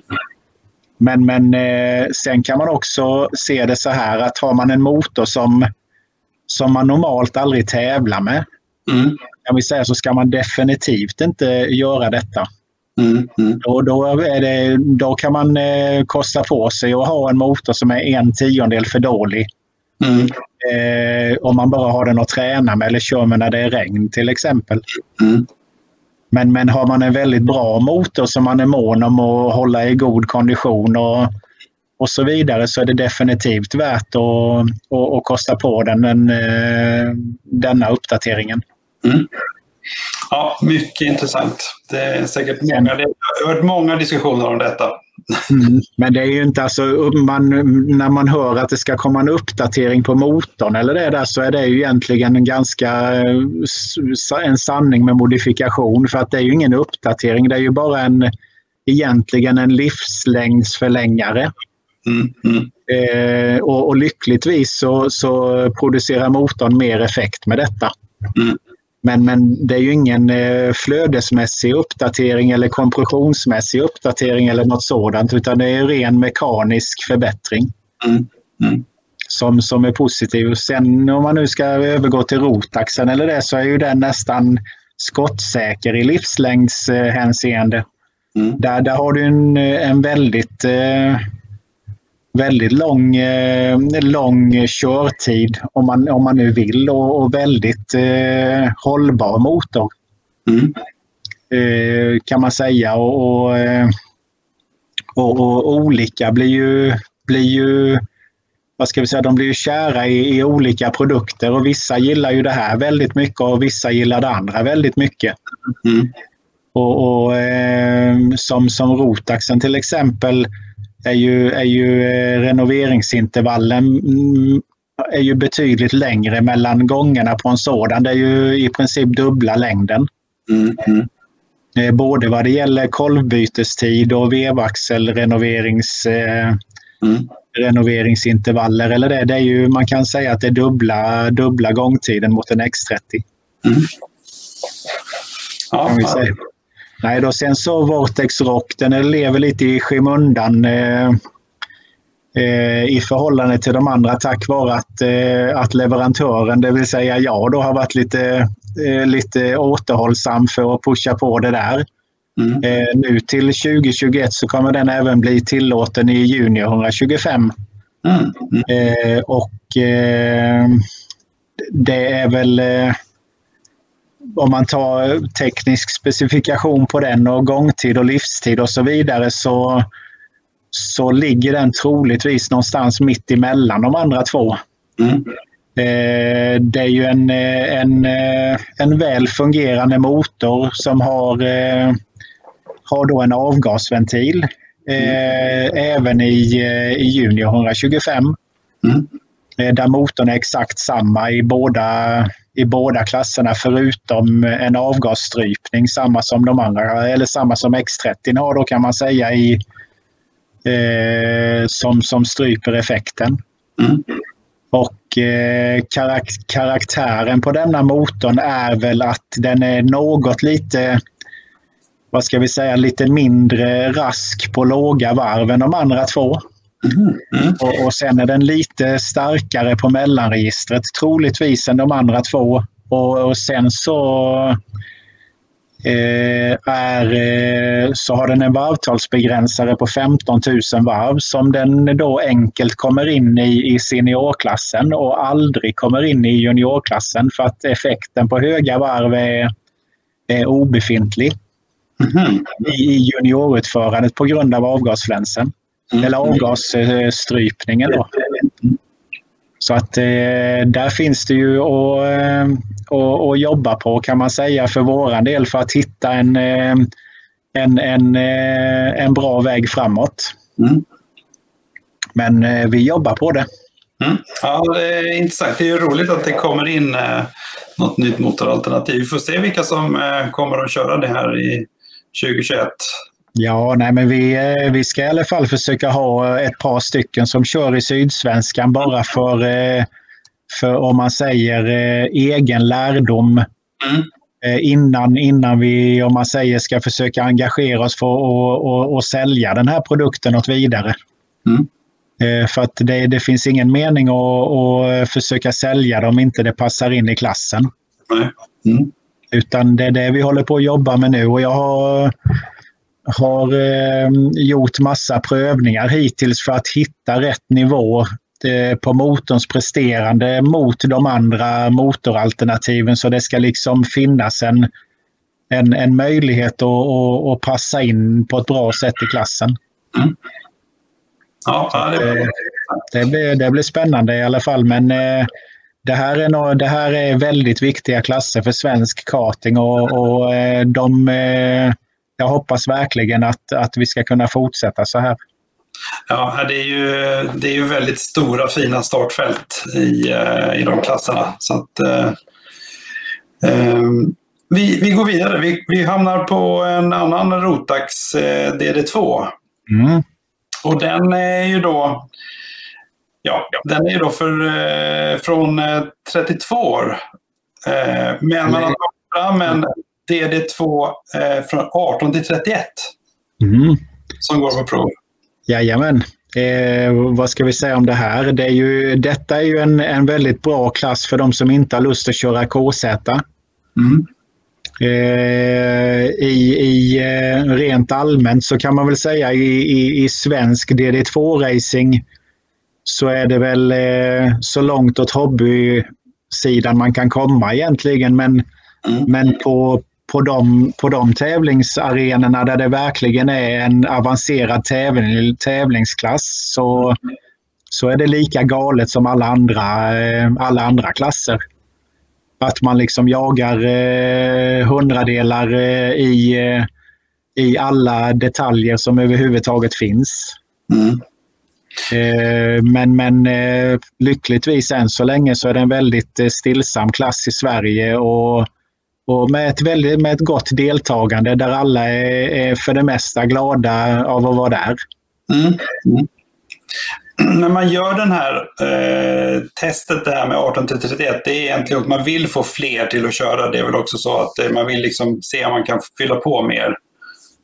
Ja, ja men det är klart. Alltså, det, är ju, det är ju egentligen den enda anledningen. Hade det varit eh, 132 till 50-åringar och kört klassen så hade det här aldrig kommit på tal. Mm. Utan eh, det är ju naturligtvis för att göra klassen större och, sen eh, nästa steg är ju även för att få färre att sluta med karting. Mm, mm. För, för det är ju så när de har kört, om man säger de som är 18-19 år kanske inte hittar rätt mm. format att köra vidare i. Mm. Och, och, då är ju det här ett, ett väldigt bra alternativ till det som finns att välja på idag. Mm. mm. Sen har ju det här eh, även lockat in, eh, vad ska vi säga, kompletta nybörjare till karting också. Mm. Eh, den här klassen tack vare att det har varit en högre instegsålder. Mm. Det, som, det som är lite farligt nu kan man säga det är ju att, att klassen kommer ju domineras av 18, 19, 20-åringar.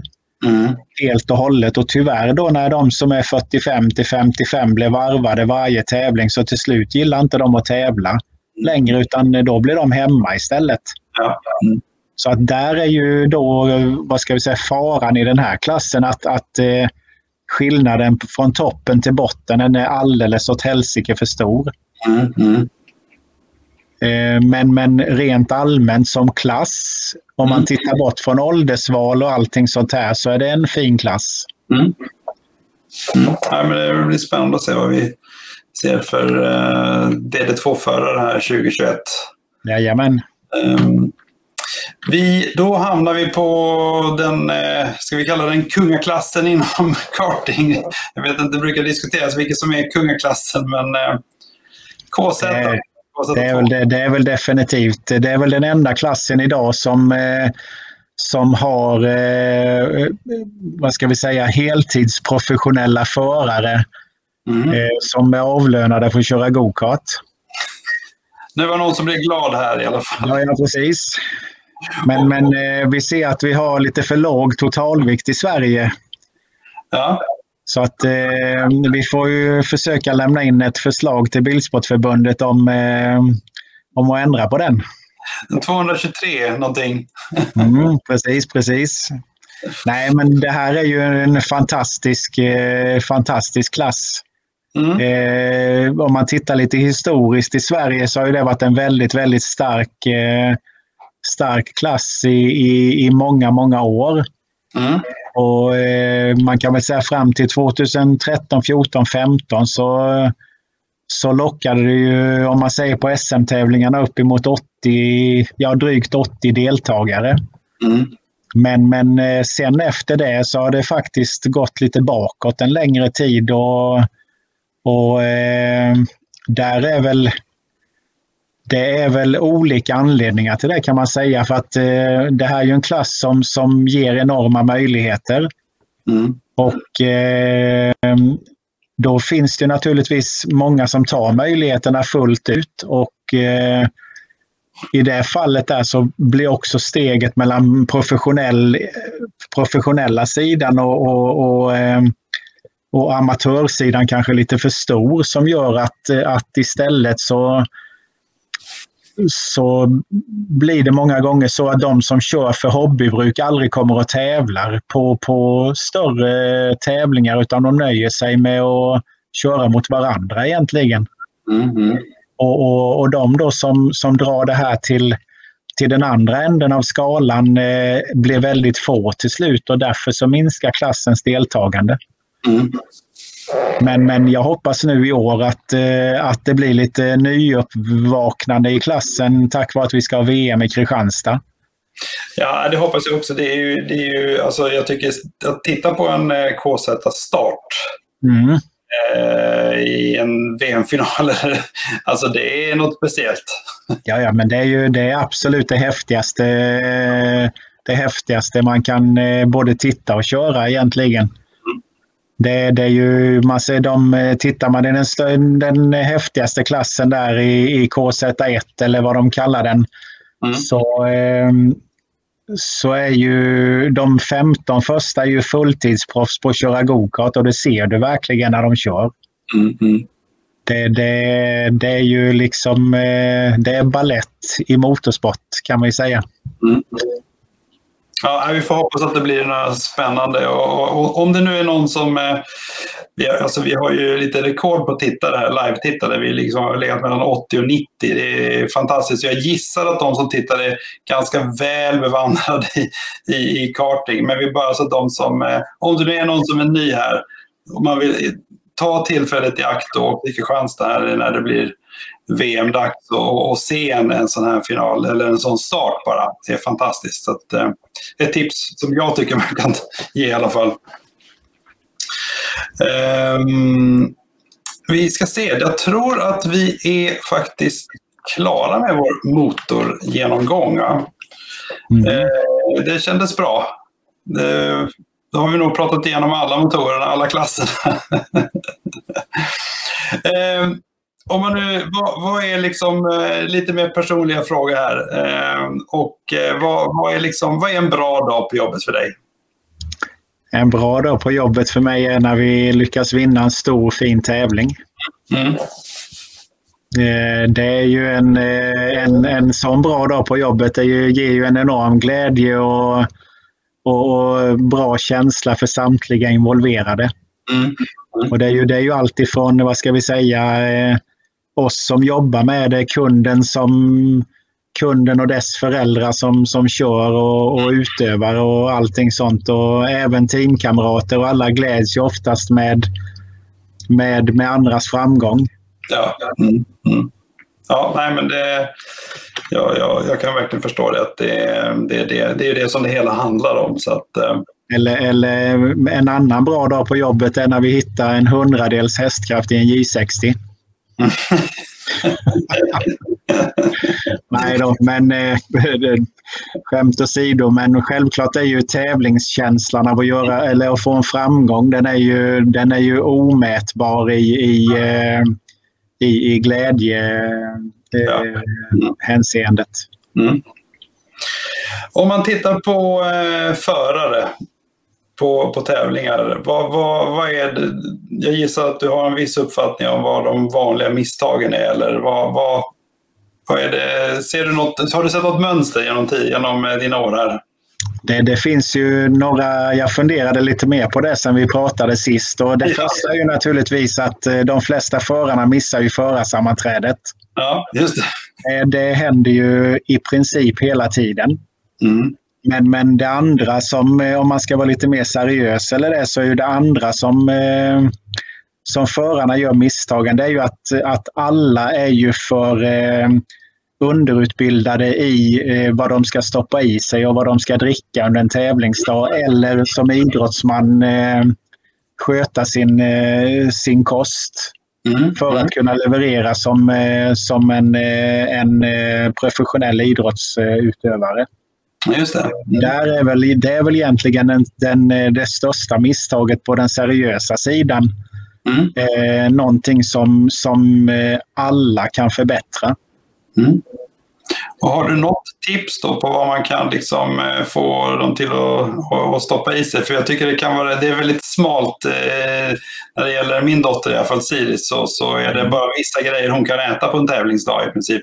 Jo, men det, det gäller ju egentligen inte bara på tävlingsdagen utan även, även i uppbyggnaden för, för ditt uh, tävlande oavsett vilken sport du håller på med. Mm, mm. Men framförallt så ska man ju dricka vatten istället ja. för andra drycker. Mm. Det, är väl, det väl den enklaste, enklaste valet i alla fall.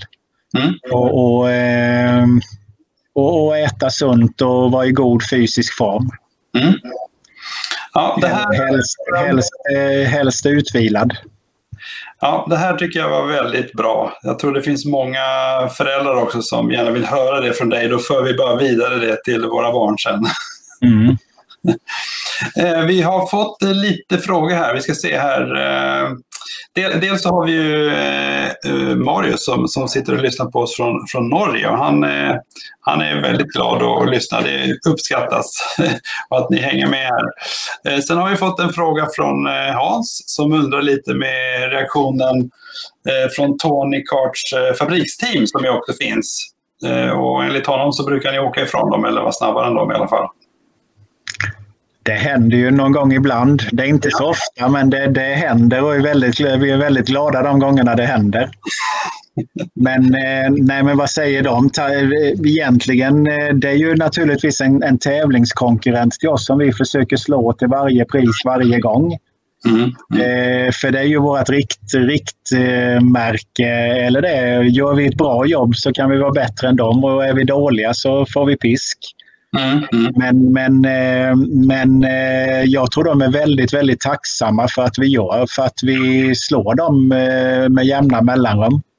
Det måste väl vara liksom en hälsosam konkurrens där på något vis? Att... Absolut, för att det är ju inte, vi tävlar inte bara mot varandra utan vi tävlar ju även mot våra märkeskonkurrenter. Precis, och, och, då är det viktigt att inte bara det är en som vinner hela tiden eller en som gör bra ifrån sig utan de, gör vi en bra tävling så betyder det att deras kunder som de säljer produkter till kan göra ett bra resultat. Mm, mm.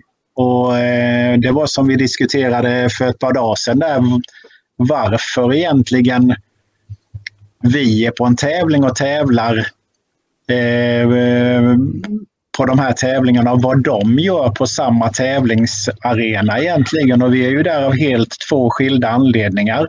Mm. Eh, vi är där för att serva våra kunder och leverera så bra utrustning till dem som möjligt. Mm, mm. Eh, medan, medan tillverkarna är där endast av att göra, marknadsföra och utveckla sina produkter. Mm, mm.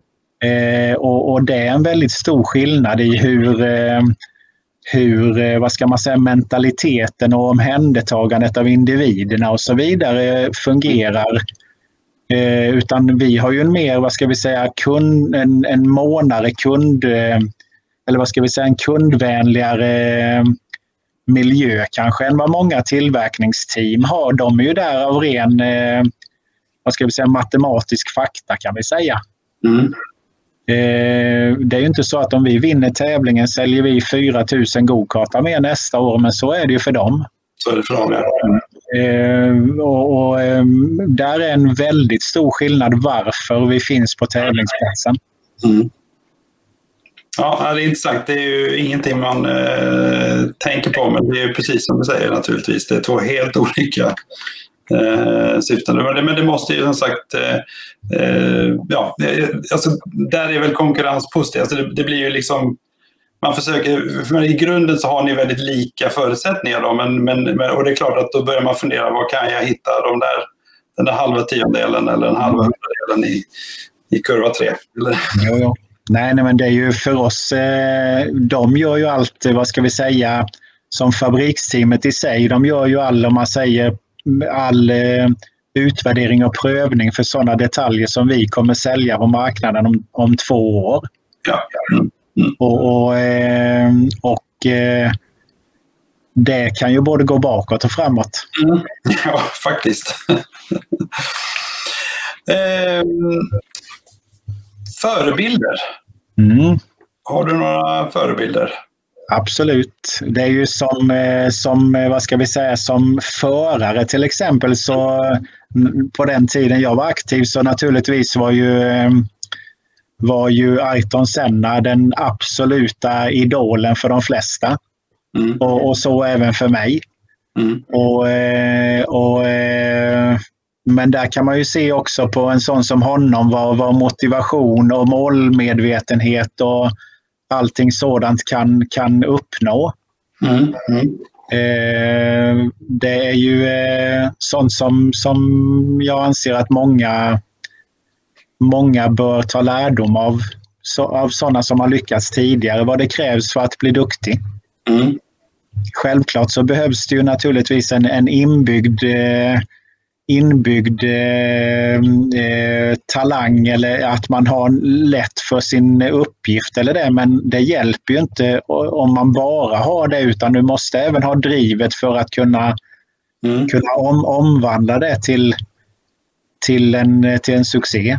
Mm. Och, och, rent andra, andra förebilder, det, det var som jag sa tidigare också där när vi har pratat att eh, alla gör ju någonting som är bra, men även sådana saker som är dåliga. Och kan man liksom stjäla de goda tingen från några stycken och, och, och, dra lärdom av det så, så får man ju nöja sig med det och så stöta till med de dåliga grejerna man gör själv. Mm. Bara man kan balansera det där. Mm. Mm. Ja, Stefan tycker att du är klok som en bok. Kan vi... um, om vi tittar på de här klasserna nu liksom, och, och eh, du jobbar med ett antal klasser med era kunder. Vilken klass eller vilka klasser är de största utmaningen? Det är ju naturligtvis OK den största utmaningen tack vare att konkurrensen är ju absolut hårdast där. Mm. Eh, förarnivån är ju skyhög och, och, och, konkurrensen utrustningsmässigt är ju knivskarp. Mm. Och, och eh, kan man eh, på något vis hävda sig där så är det ju en, en eh, seger bara det. Mm. Mm. Sen, sen naturligtvis så har alla klasser en, en svårighet som, som går att övervinna. Mm. För, för att göra det till att man ska vara snabbare än andra till exempel. Mm. mm. Och, och, ehm, och, och framförallt så, eh, så, så är ju det att man, eh, man behöver lära sig att hantera, hantera den, de instrumenten man har. Mm. mm. Eh, till exempel för två, tre år sedan så, så blev det Eh, blev det, eller beslutade vi att vi inte ska engagera oss i KZ som vi gjorde i några år mm. eh, utöver OK Junior utan bara satsa på OK Junior istället och inte blanda in för mycket annat. Mm. Och, och, självklart så ökar du konkurrenskraften i de klasserna mm. eh, på grund av eh, mer tid för eh, utveckling och uppföljning av det. Mm. Men, men, eh, men självklart så eh, det är väldigt stora utmaningar i alla klasser och, och om man tittar lite lägre ner i klasserna så är ju utmaningen i, i raketklasserna det är väl att kunna ha ett gott tålamod egentligen. Mm. Mm. För att det, det, är ofta inte så mycket fel på själva, själva motorn i sig utan man måste bara lära sig att bruka den. Mm. mm. Så att, eh, nej, det är väl, eh, men, men vi jobbar ju, jobbar ju med motormaterial mm, i alla klasser och, och, försöker göra det så bra som möjligt. Men vissa klasser går lite lättare och andra är betydligt värre. Mm. Vi fick en eh, väldigt konkret fråga om J125 S125 från Rolf Linde som undrar lite om eh, vad du tycker om, om eh, det kan vara aktuellt med viktjusteringar inför 2021. Eh, jag vet faktiskt inte om, eh, om det ens är på tal att det ska bli några viktjusteringar men, men, eh, men om man ser det så här så är det ju Tittar man till exempel i J125 under det året som har varit så, så, eh, så är det ju så att, att eh, till exempel X30 och Rotaxen har väl vunnit ungefär hälften av tävlingarna var. Mm. Eh, men ju längre och större banor vi kommer till mm. eh, desto större fördel är det att köra Rotax för att eh, du har en så mycket längre utväxling på den och får en, en väldigt hög topphastighet tack vare att den är så stark på låga varv. Mm. mm. Eh, men har du en lite knixigare bana, eller nu vet jag inte exakt, men har en annan bantyp kan vi säga så är det då en fördel för, för eh, X30 tack vare att den är väldigt kvick på gasen och, mm. och, och har ett annat, eh, ett annat register helt enkelt. Mm. Och, och,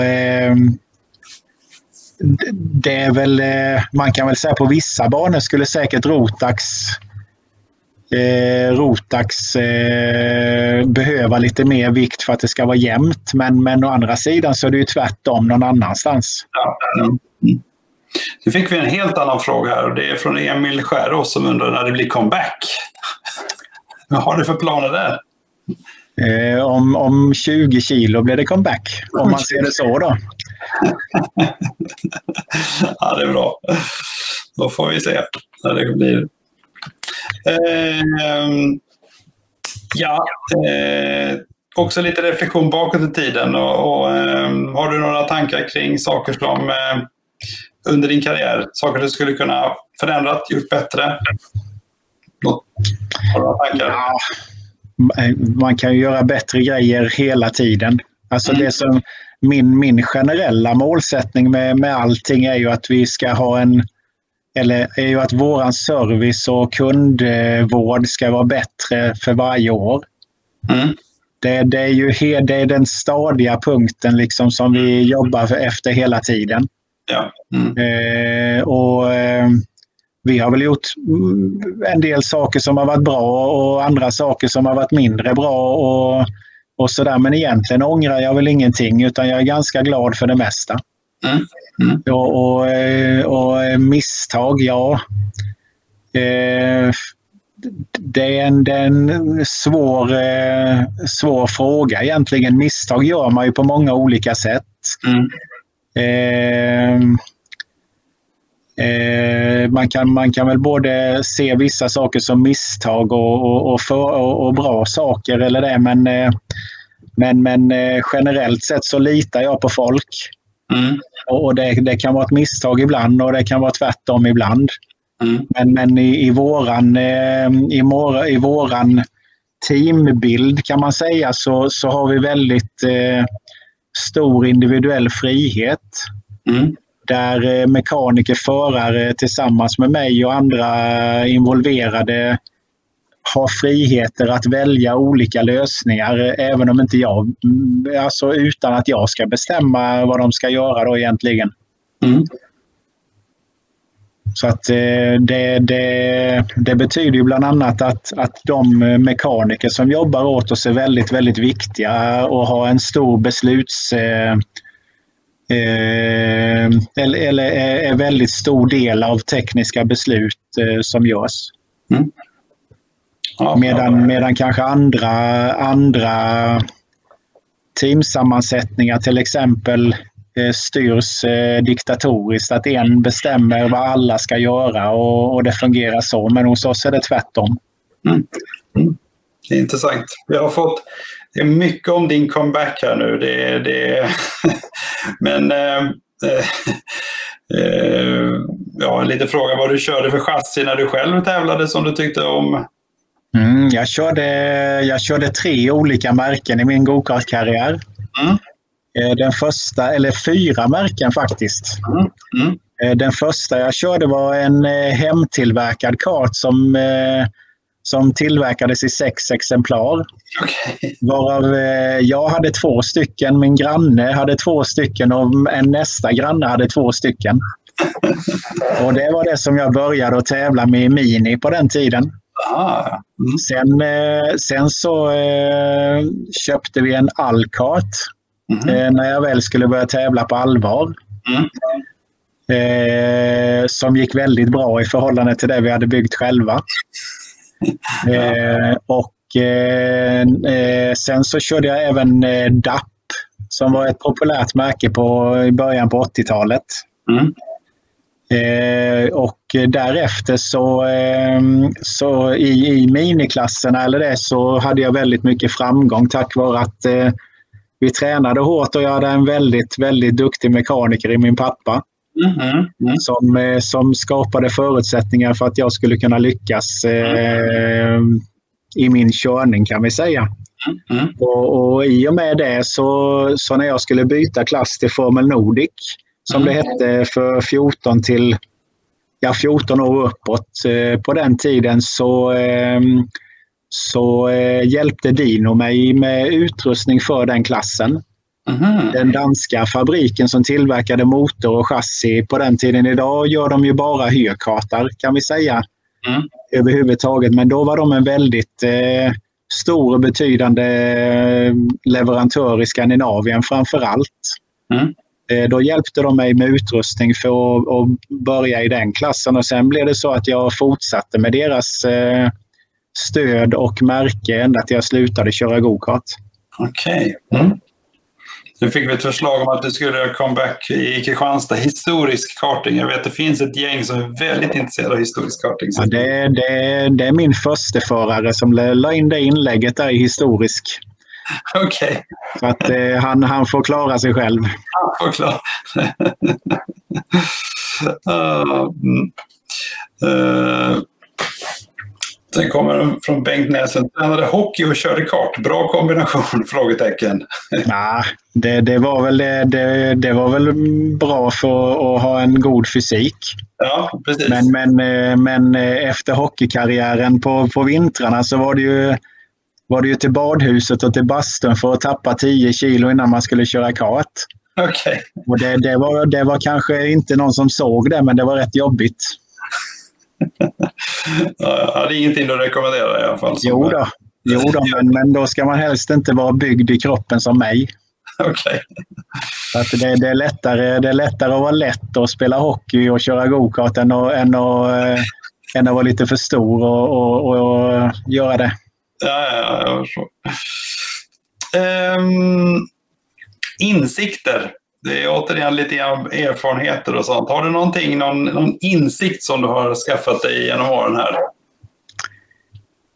Det, det jag har väldigt många insikter som, eh, som jag inte vill dela med mig av. Men, eh, men eh, i och med att vi, vi, jag träffar väldigt mycket folk från många andra motorsportsegment Mm, mm. eh, så naturligtvis eh, så är ju vetandet om allmän racing på hög nivå kanske något större än många andra. Men det är ingenting som liksom utmärker sig. Men, men ofta så, så eh, eh, har man ju nytta av att man känner eh, många och, och, och rätt människor naturligtvis för att kunna dra nytta av det i prestanda på gokartbanan.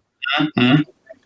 Eh, men eh, men eh, i övrigt, eller det som vi pratade om tidigare, eh, så, så har jag väl insikt i kanske av internationell eh, eller av gokart på internationell plan i internationella förbundet som, som, som jag inte riktigt delar den, eh, eller jag är inte speciellt positiv över den utvecklingen som har skett där de senaste 10-15 åren kan man säga. Mm. Utan eh, jag anser att, eh, att eh, när man tänker efter lite, nu har jag hunnit att fundera lite på vad jag sa innan eller det där och, och när man tänker efter lite så har internationella gokartförbundet av någon märklig anledning råkat att bli lika girigt och, och pengagalet som fotbollsförbundet nästan. Mm. Eller så att allting handlar bara liksom om kronor och ören. Mm. Medan, medan för 15 år sedan så subventionerade de för alla oss deltagare att komma och köra de här tävlingarna. Mm. Mm. Medan, medan idag så ska, så ska man liksom eh, ja vad ska vi säga, säg då för 15-20 år sedan så när du körde en EM-tävling så var det, det nästan den billigaste tävlingen du körde i utlandet på hela året. Mm. Medan idag så är det den överlägset dyraste mm. tävlingen att köra i utlandet.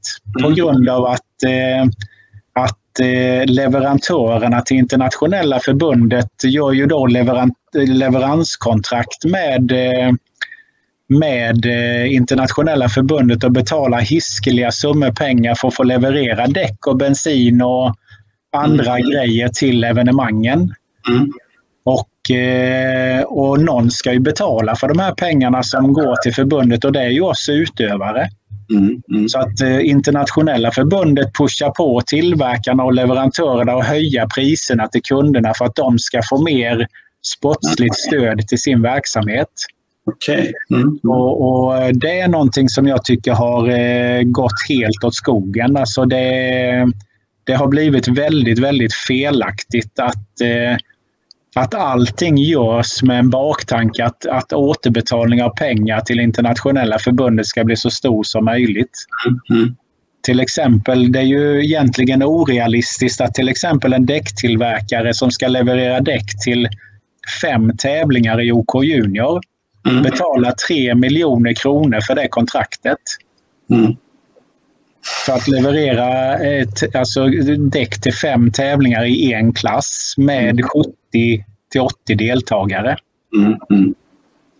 Eh, och, och, nu då till exempel detta året som har varit mm.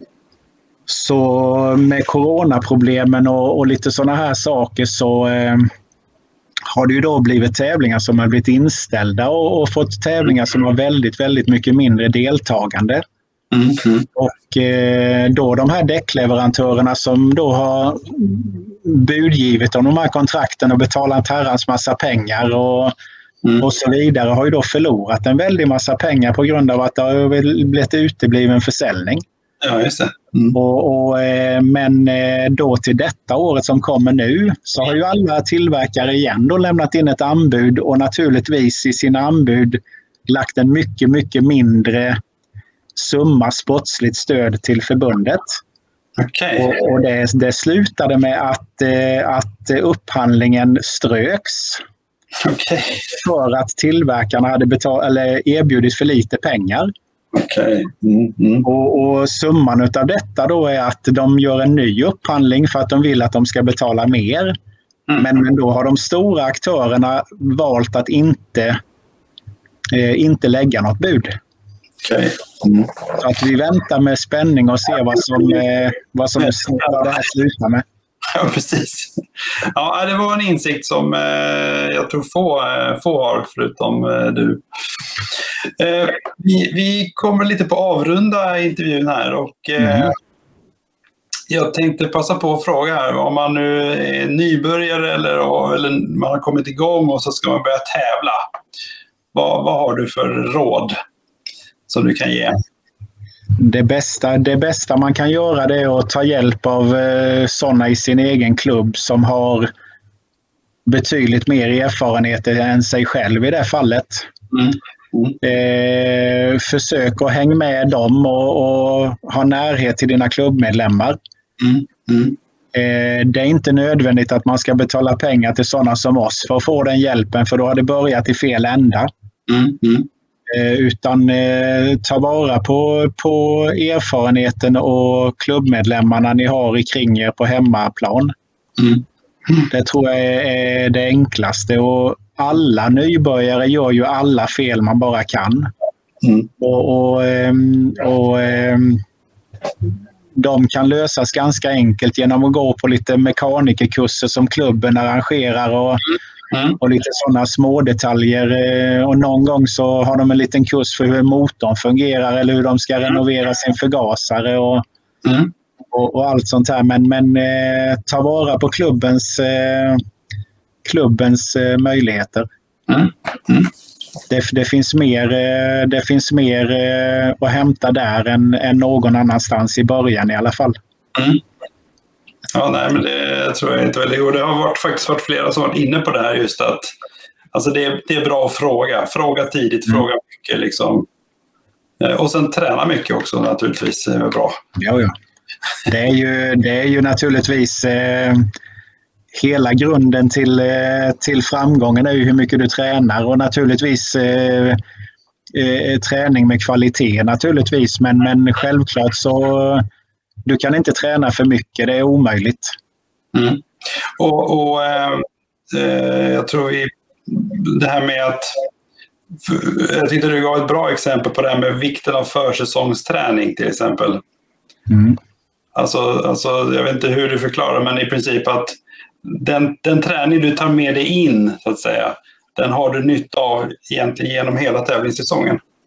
Mm. Man, man kan väl se det, det är lite enkelt. Det är om du väljer att träna sju träningsdagar och kanske köra en tävling innan säsongen börjar i Sverige. Mm. Så, så kommer du ha fördel gentemot dina konkurrenter mer än halva säsongen bara på grund av det. Mm. Tack vare att på de, de träningsdagarna du kan köra på en bana som är öppet dagligen eh, året om någonstans i Europa till exempel. Mm. Där, där kör du cirka kanske 150, 150 varv om dagen. Mm. Och eh, kör du sju dagar så kör du tusen varv på en vecka nästan. Mm. Och, och det, det river du inte av på, eh, på, på några träningar eller det här. Mm. Så att eh, all, all sån träning är ju fantastiskt viktig för alla. Mm. Mm. Ehm, en annan sak, eh, om vi nu pratar lite mål, och, och jag tror jag, jag kan svara på den frågan själv, för jag tror att du säger bara vi vill vinna allt. jag vet att ni, det, det, det, det, det är fascinerande att höra liksom hur det handlar om att vinna. Liksom. Det, det är det som är målet. Det är, det, är ju hela, det är ju hela grejen. Alltså, vi jobbar ju inte alla dagar vi kan eh, för att komma tvåa utan vi vill ju naturligtvis vara med och leda utvecklingen. Mm. Och, och våran, eh, våran situation som team är väldigt konkurrensutsatt hur det ser ut i resultatlistan. Mm. Mm. Gör vi ett bra jobb eh, så självklart syns det, syns det under vårat tält. Mm. Och, och, eh, och går det mindre bra så syns det ändå mer. Mm. Så att Ja. där, där är man ju tvungen, liksom, målsättningen är ju att vinna alla tävlingar som vi ställer upp i alla klasser överallt. Mm. Mm.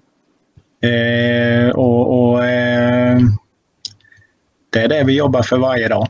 Mm. Och, och jag menar, det som man ska förstå då är ju, för jag, jag vet när jag intervjuade Bengt Söderberg då, som är tävlingsledare och vi tittade i några av tävlingarna som han hade dömt i, eller var tävlingsledare för i Kristianstad. Då hade vi Lando Norris, vi hade Mick Schumacher eh, och, och några av dem som kör, eh, eh ja, kör Formel 2 nu och så här. Och så att, när man tävlar på den här nivån och vinner, eh, så att säga, då är det ju då, då finns förutsättningarna så att säga, för att fortsätta in i de här olika formelklasserna. Och som jag sa innan, tio stycken av de som har liksom jobbat med dig och ert team har, har liksom kommit hela vägen till Formel 1. Och vi sa faktiskt att eh, vi pratade lite om Formel 1 också. Du hade en hel del åsikter om vad som skedde här i, i slutet på säsongen. Mm, nej, men jag har, jag har ganska mycket åsikter om hela den världen överhuvudtaget. Ja. Eh, framförallt, eh, framförallt eh, så var det ju en fantastisk händelse som hände, hände i Bahrain när George Russell körde Mercedes. Mm. Det tycker jag avspeglar, eh, avspeglar eh, felaktigheten med Formel 1 kan vi säga. Mm. Mm. Eh, Det var ju, han blev ju hissad till skyarna och det skulle han bli för han är fantastiskt duktig och har alltid varit och en, en klassförare i alla mått även med sin unga ålder. Mm. Eh, och naturligtvis så var det en stjärna som blev född enligt väldigt många men jag ser det ju egentligen precis tvärtom. Jag ser ju bara att det var två stjärnor som slocknade istället. Mm. Eh, som, som om man säger de, de ordinarie förarna i Mercedes, deras aktiekurs sjönk ju som en sjunkbomb. Mm. Och man kan undra liksom varför Mercedes betalar en halv miljard till Hamilton när de kan välja Russell för, för kaffepengar. Mm, mm. Det, men, men självklart så inte har inte han den karisman, man säger worldwide och allt sånt här. Men, men, men körmässigt, alltså kapaciteten som förare och, och, och, möjligheterna där, där ligger han ju minst lika bra till som de andra två utan tvivel, även i en ringa ålder som han har nu. Mm, mm. Och, och, eh, rent, rent allmänt så, så är, ju det, är ju det Formel 1 stora problem. Vi får ju hoppas nu när, när budgetbegränsningarna eh, förhoppningsvis fungerar på det sättet det är tänkt. Mm. Eh, ska kunna jämna ut situationen så att, så att förarkapaciteten kanske har en betydelse. Mm. Mm. Det är alla, alla, i, alla egentligen i Formel 1 lever ju egentligen bara på sina meriter de gjorde innan de kom dit. Mm, mm. Eh, mer eller mindre. När de är där så, så är det bara en handfull som kan glädjas med sina resultat. Mm, mm. men, men eh, nej, det, det, är väldigt komplex eh, sport. Mm. Och jag tror den som du tycker är den bästa föraren är det är ju Max Verstappen utan diskussion. Mm. Eh, där man, om man tittar rent allmänt genom hans karriär så finns det ingen i, i historien som har de, eh, vad ska vi säga, eh, de, den statistiken eller det som han har innan. Liksom, eh, man, I Formel 1 så är ju, är ju saker som det är men, men mm. allting annat innan det så är, det ju, är han helt oslagbar. Mm. Bara som ett exempel, innan han var, jag tror innan han var 13 år och började köra OK Junior eller KF3 som klassen hette på den tiden. Så, så hade, han, eh, hade han vunnit alla sina lopp han har kört, alla hit, alla finaler, allting förutom två gånger när han bröt med motorhaveri. Alltså, det är ganska ovanligt att en, en ungdom eh, som har kört gokart i fem år aldrig har förlorat. Mm. Mer än på grund av tekniska fel. Och, och eh, ja, hans, eh, hans vad ska vi kalla det, hans nivå som förare den är för tillfället ouppnåelig för de flesta. Mm. Men, men tyvärr är det ju så att att, att väldigt många tror ju att de eh, föder en ny Max Verstappen en gång i veckan. Mm, mm. Men, men eh, det är tyvärr inte så. Mm. Ja, det blir mycket spännande att se lite vad som händer här nu. Men eh, eh, ja, det, det kommer nyheter hela tiden så får vi njuta av den eh, nya Formel 1-serien när den drar igång här sen. Eh, vi fick faktiskt en fråga om Eh, Marcus Eriksson har gått långt i sin karriär. Hur är ert samarbete? Har ni, har ni samarbete där? Eller? Absolut. Är, man kan säga att vi har ganska eh, en, en väldigt fin historia tillsammans. Mm. Mm. Eh, och det är fler involverade i det än bara eh, oss. Men eh, det var nämligen så här att för länge, länge sedan så Fredrik Ekblom, en tidigare svensk racingstjärna, är ju en, en, en god vän till mig och, och fortfarande väldigt god vän till mig. Mm. Eh, han ringde till mig en gång för han hade en gokarthall eh, på Mariebergs köpcentrum i Örebro. Mm. Mm. För länge sedan och så ringde han till mig och sa du det är en liten kille här som jag tror att det är något värt att satsa på. Mm. Eh, och i alla fall, det var ju Marcus. Mm. Eh, och efter det så kom han till oss och, och blev kund till oss och vi hjälpte och stöttade honom eh, ända till han slutade köra gokart och kom, eh, kom in i, i formelbilsvärlden. Mm. Eh, och eh, naturligtvis på ett sätt som vi försöker göra med de flesta. Mm. Och, och, eh, och i, i ja, nej, så vi har väldigt mycket roliga minnen tillsammans. Både, både gråt och skratt kan man säga på alla sätt och vis. ja, men, men, men fortfarande en, en väldigt fin relation med hela familjen. Mm. Ja, kul. Och Det roliga av allt i den här historien det är det att eh, när Fredrik Ekblom och hans söner körde kadetti. Mm. Nu har de slutat att köra gokart och spela ishockey istället men eh, det är ju en annan sak. Men när de körde kadetti så ringde han mig ytterligare en gång. Mm. Och så sa han att eh, du, det finns en kille här som heter Dino Beganovic. Mm. Det, det, är någonting som du behöver ta tag i. Och, och eh, på den vägen är det. Mm. Så att vi har en talangscout eh, ute och kollar läget eller det där ibland. Eh, och, och, man litar ju på sina, på sina eh, vänner och bekantar eller det där. Så då är det bara att hänga på och ge järnet. Ja, det var ju spännande. Får vi se vem han säger nästa gång han ringer då. Ja, jag, vänt, jag väntar bara. Nej, men det är jätteroligt i alla fall. Vi, vi gör allt vi kan eller det för att stötta de som har möjlighet, eh, mm. de som har möjlighet att, att, att komma någonstans. Mm. Och, och, lite frågan här från Hans här, om förarna kommer till ditt team eller om du letar upp förarna. Det är lite på det. Är det, det är en kombination om jag förstår det lite rätt va?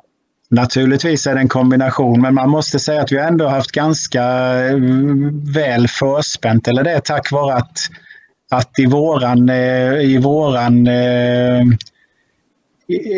där vi har vår största kundgrupp är ju norra Europa. Mm.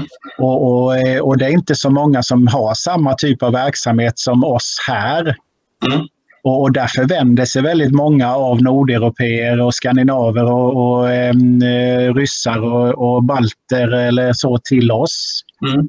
Eh, på grund av närheten. Så vårt upptagningsområde rent allmänt eh, är ju gynnsamt på grund av att vi inte har speciellt stor konkurrens där.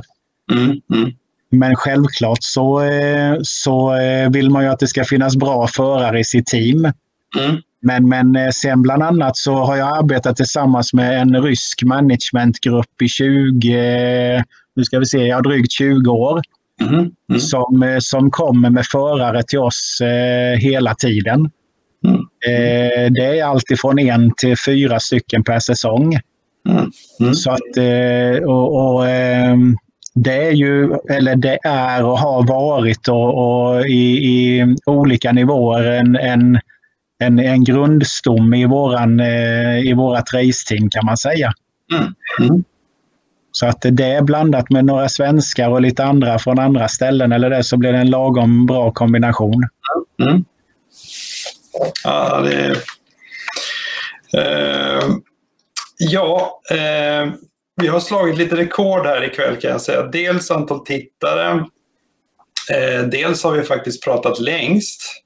Eh, som jag sa till dig så eh, det är möjligt att vi pratar för länge men jag har faktiskt inte haft några som sagt att vi pratar för länge utan de behöver klaga på att vi pratar för kort tid. Så jag hoppas att eh, de är glada och nöjda. och jag är jätteglad att du ville vara med och, och, liksom, och berätta om, om dig och teamet. Ja, men jag är jättetacksam för att få möjligheten. Ja. Att det är ju som sagt, jag är extremt mån om att, eh, att eh, svensk karting eh, är så bra och förblir så bra som den är. Mm. För att vi ser man, ser man generellt sett i väldigt, väldigt många andra länder så har vi ju en fantastisk eh, sport i, i, i, Sverige i förhållande till folkmängden. Mm. Mm. Och, och, den ska vi vara rädda om. Mm. Ja, vi får hoppas att eh, vi lockar till oss fler. Och eh, jag brukar ju då som sagt ställa frågan här på slutet. Eh, jag vill gärna se det som en form av kedjebrev, de här intervjuerna.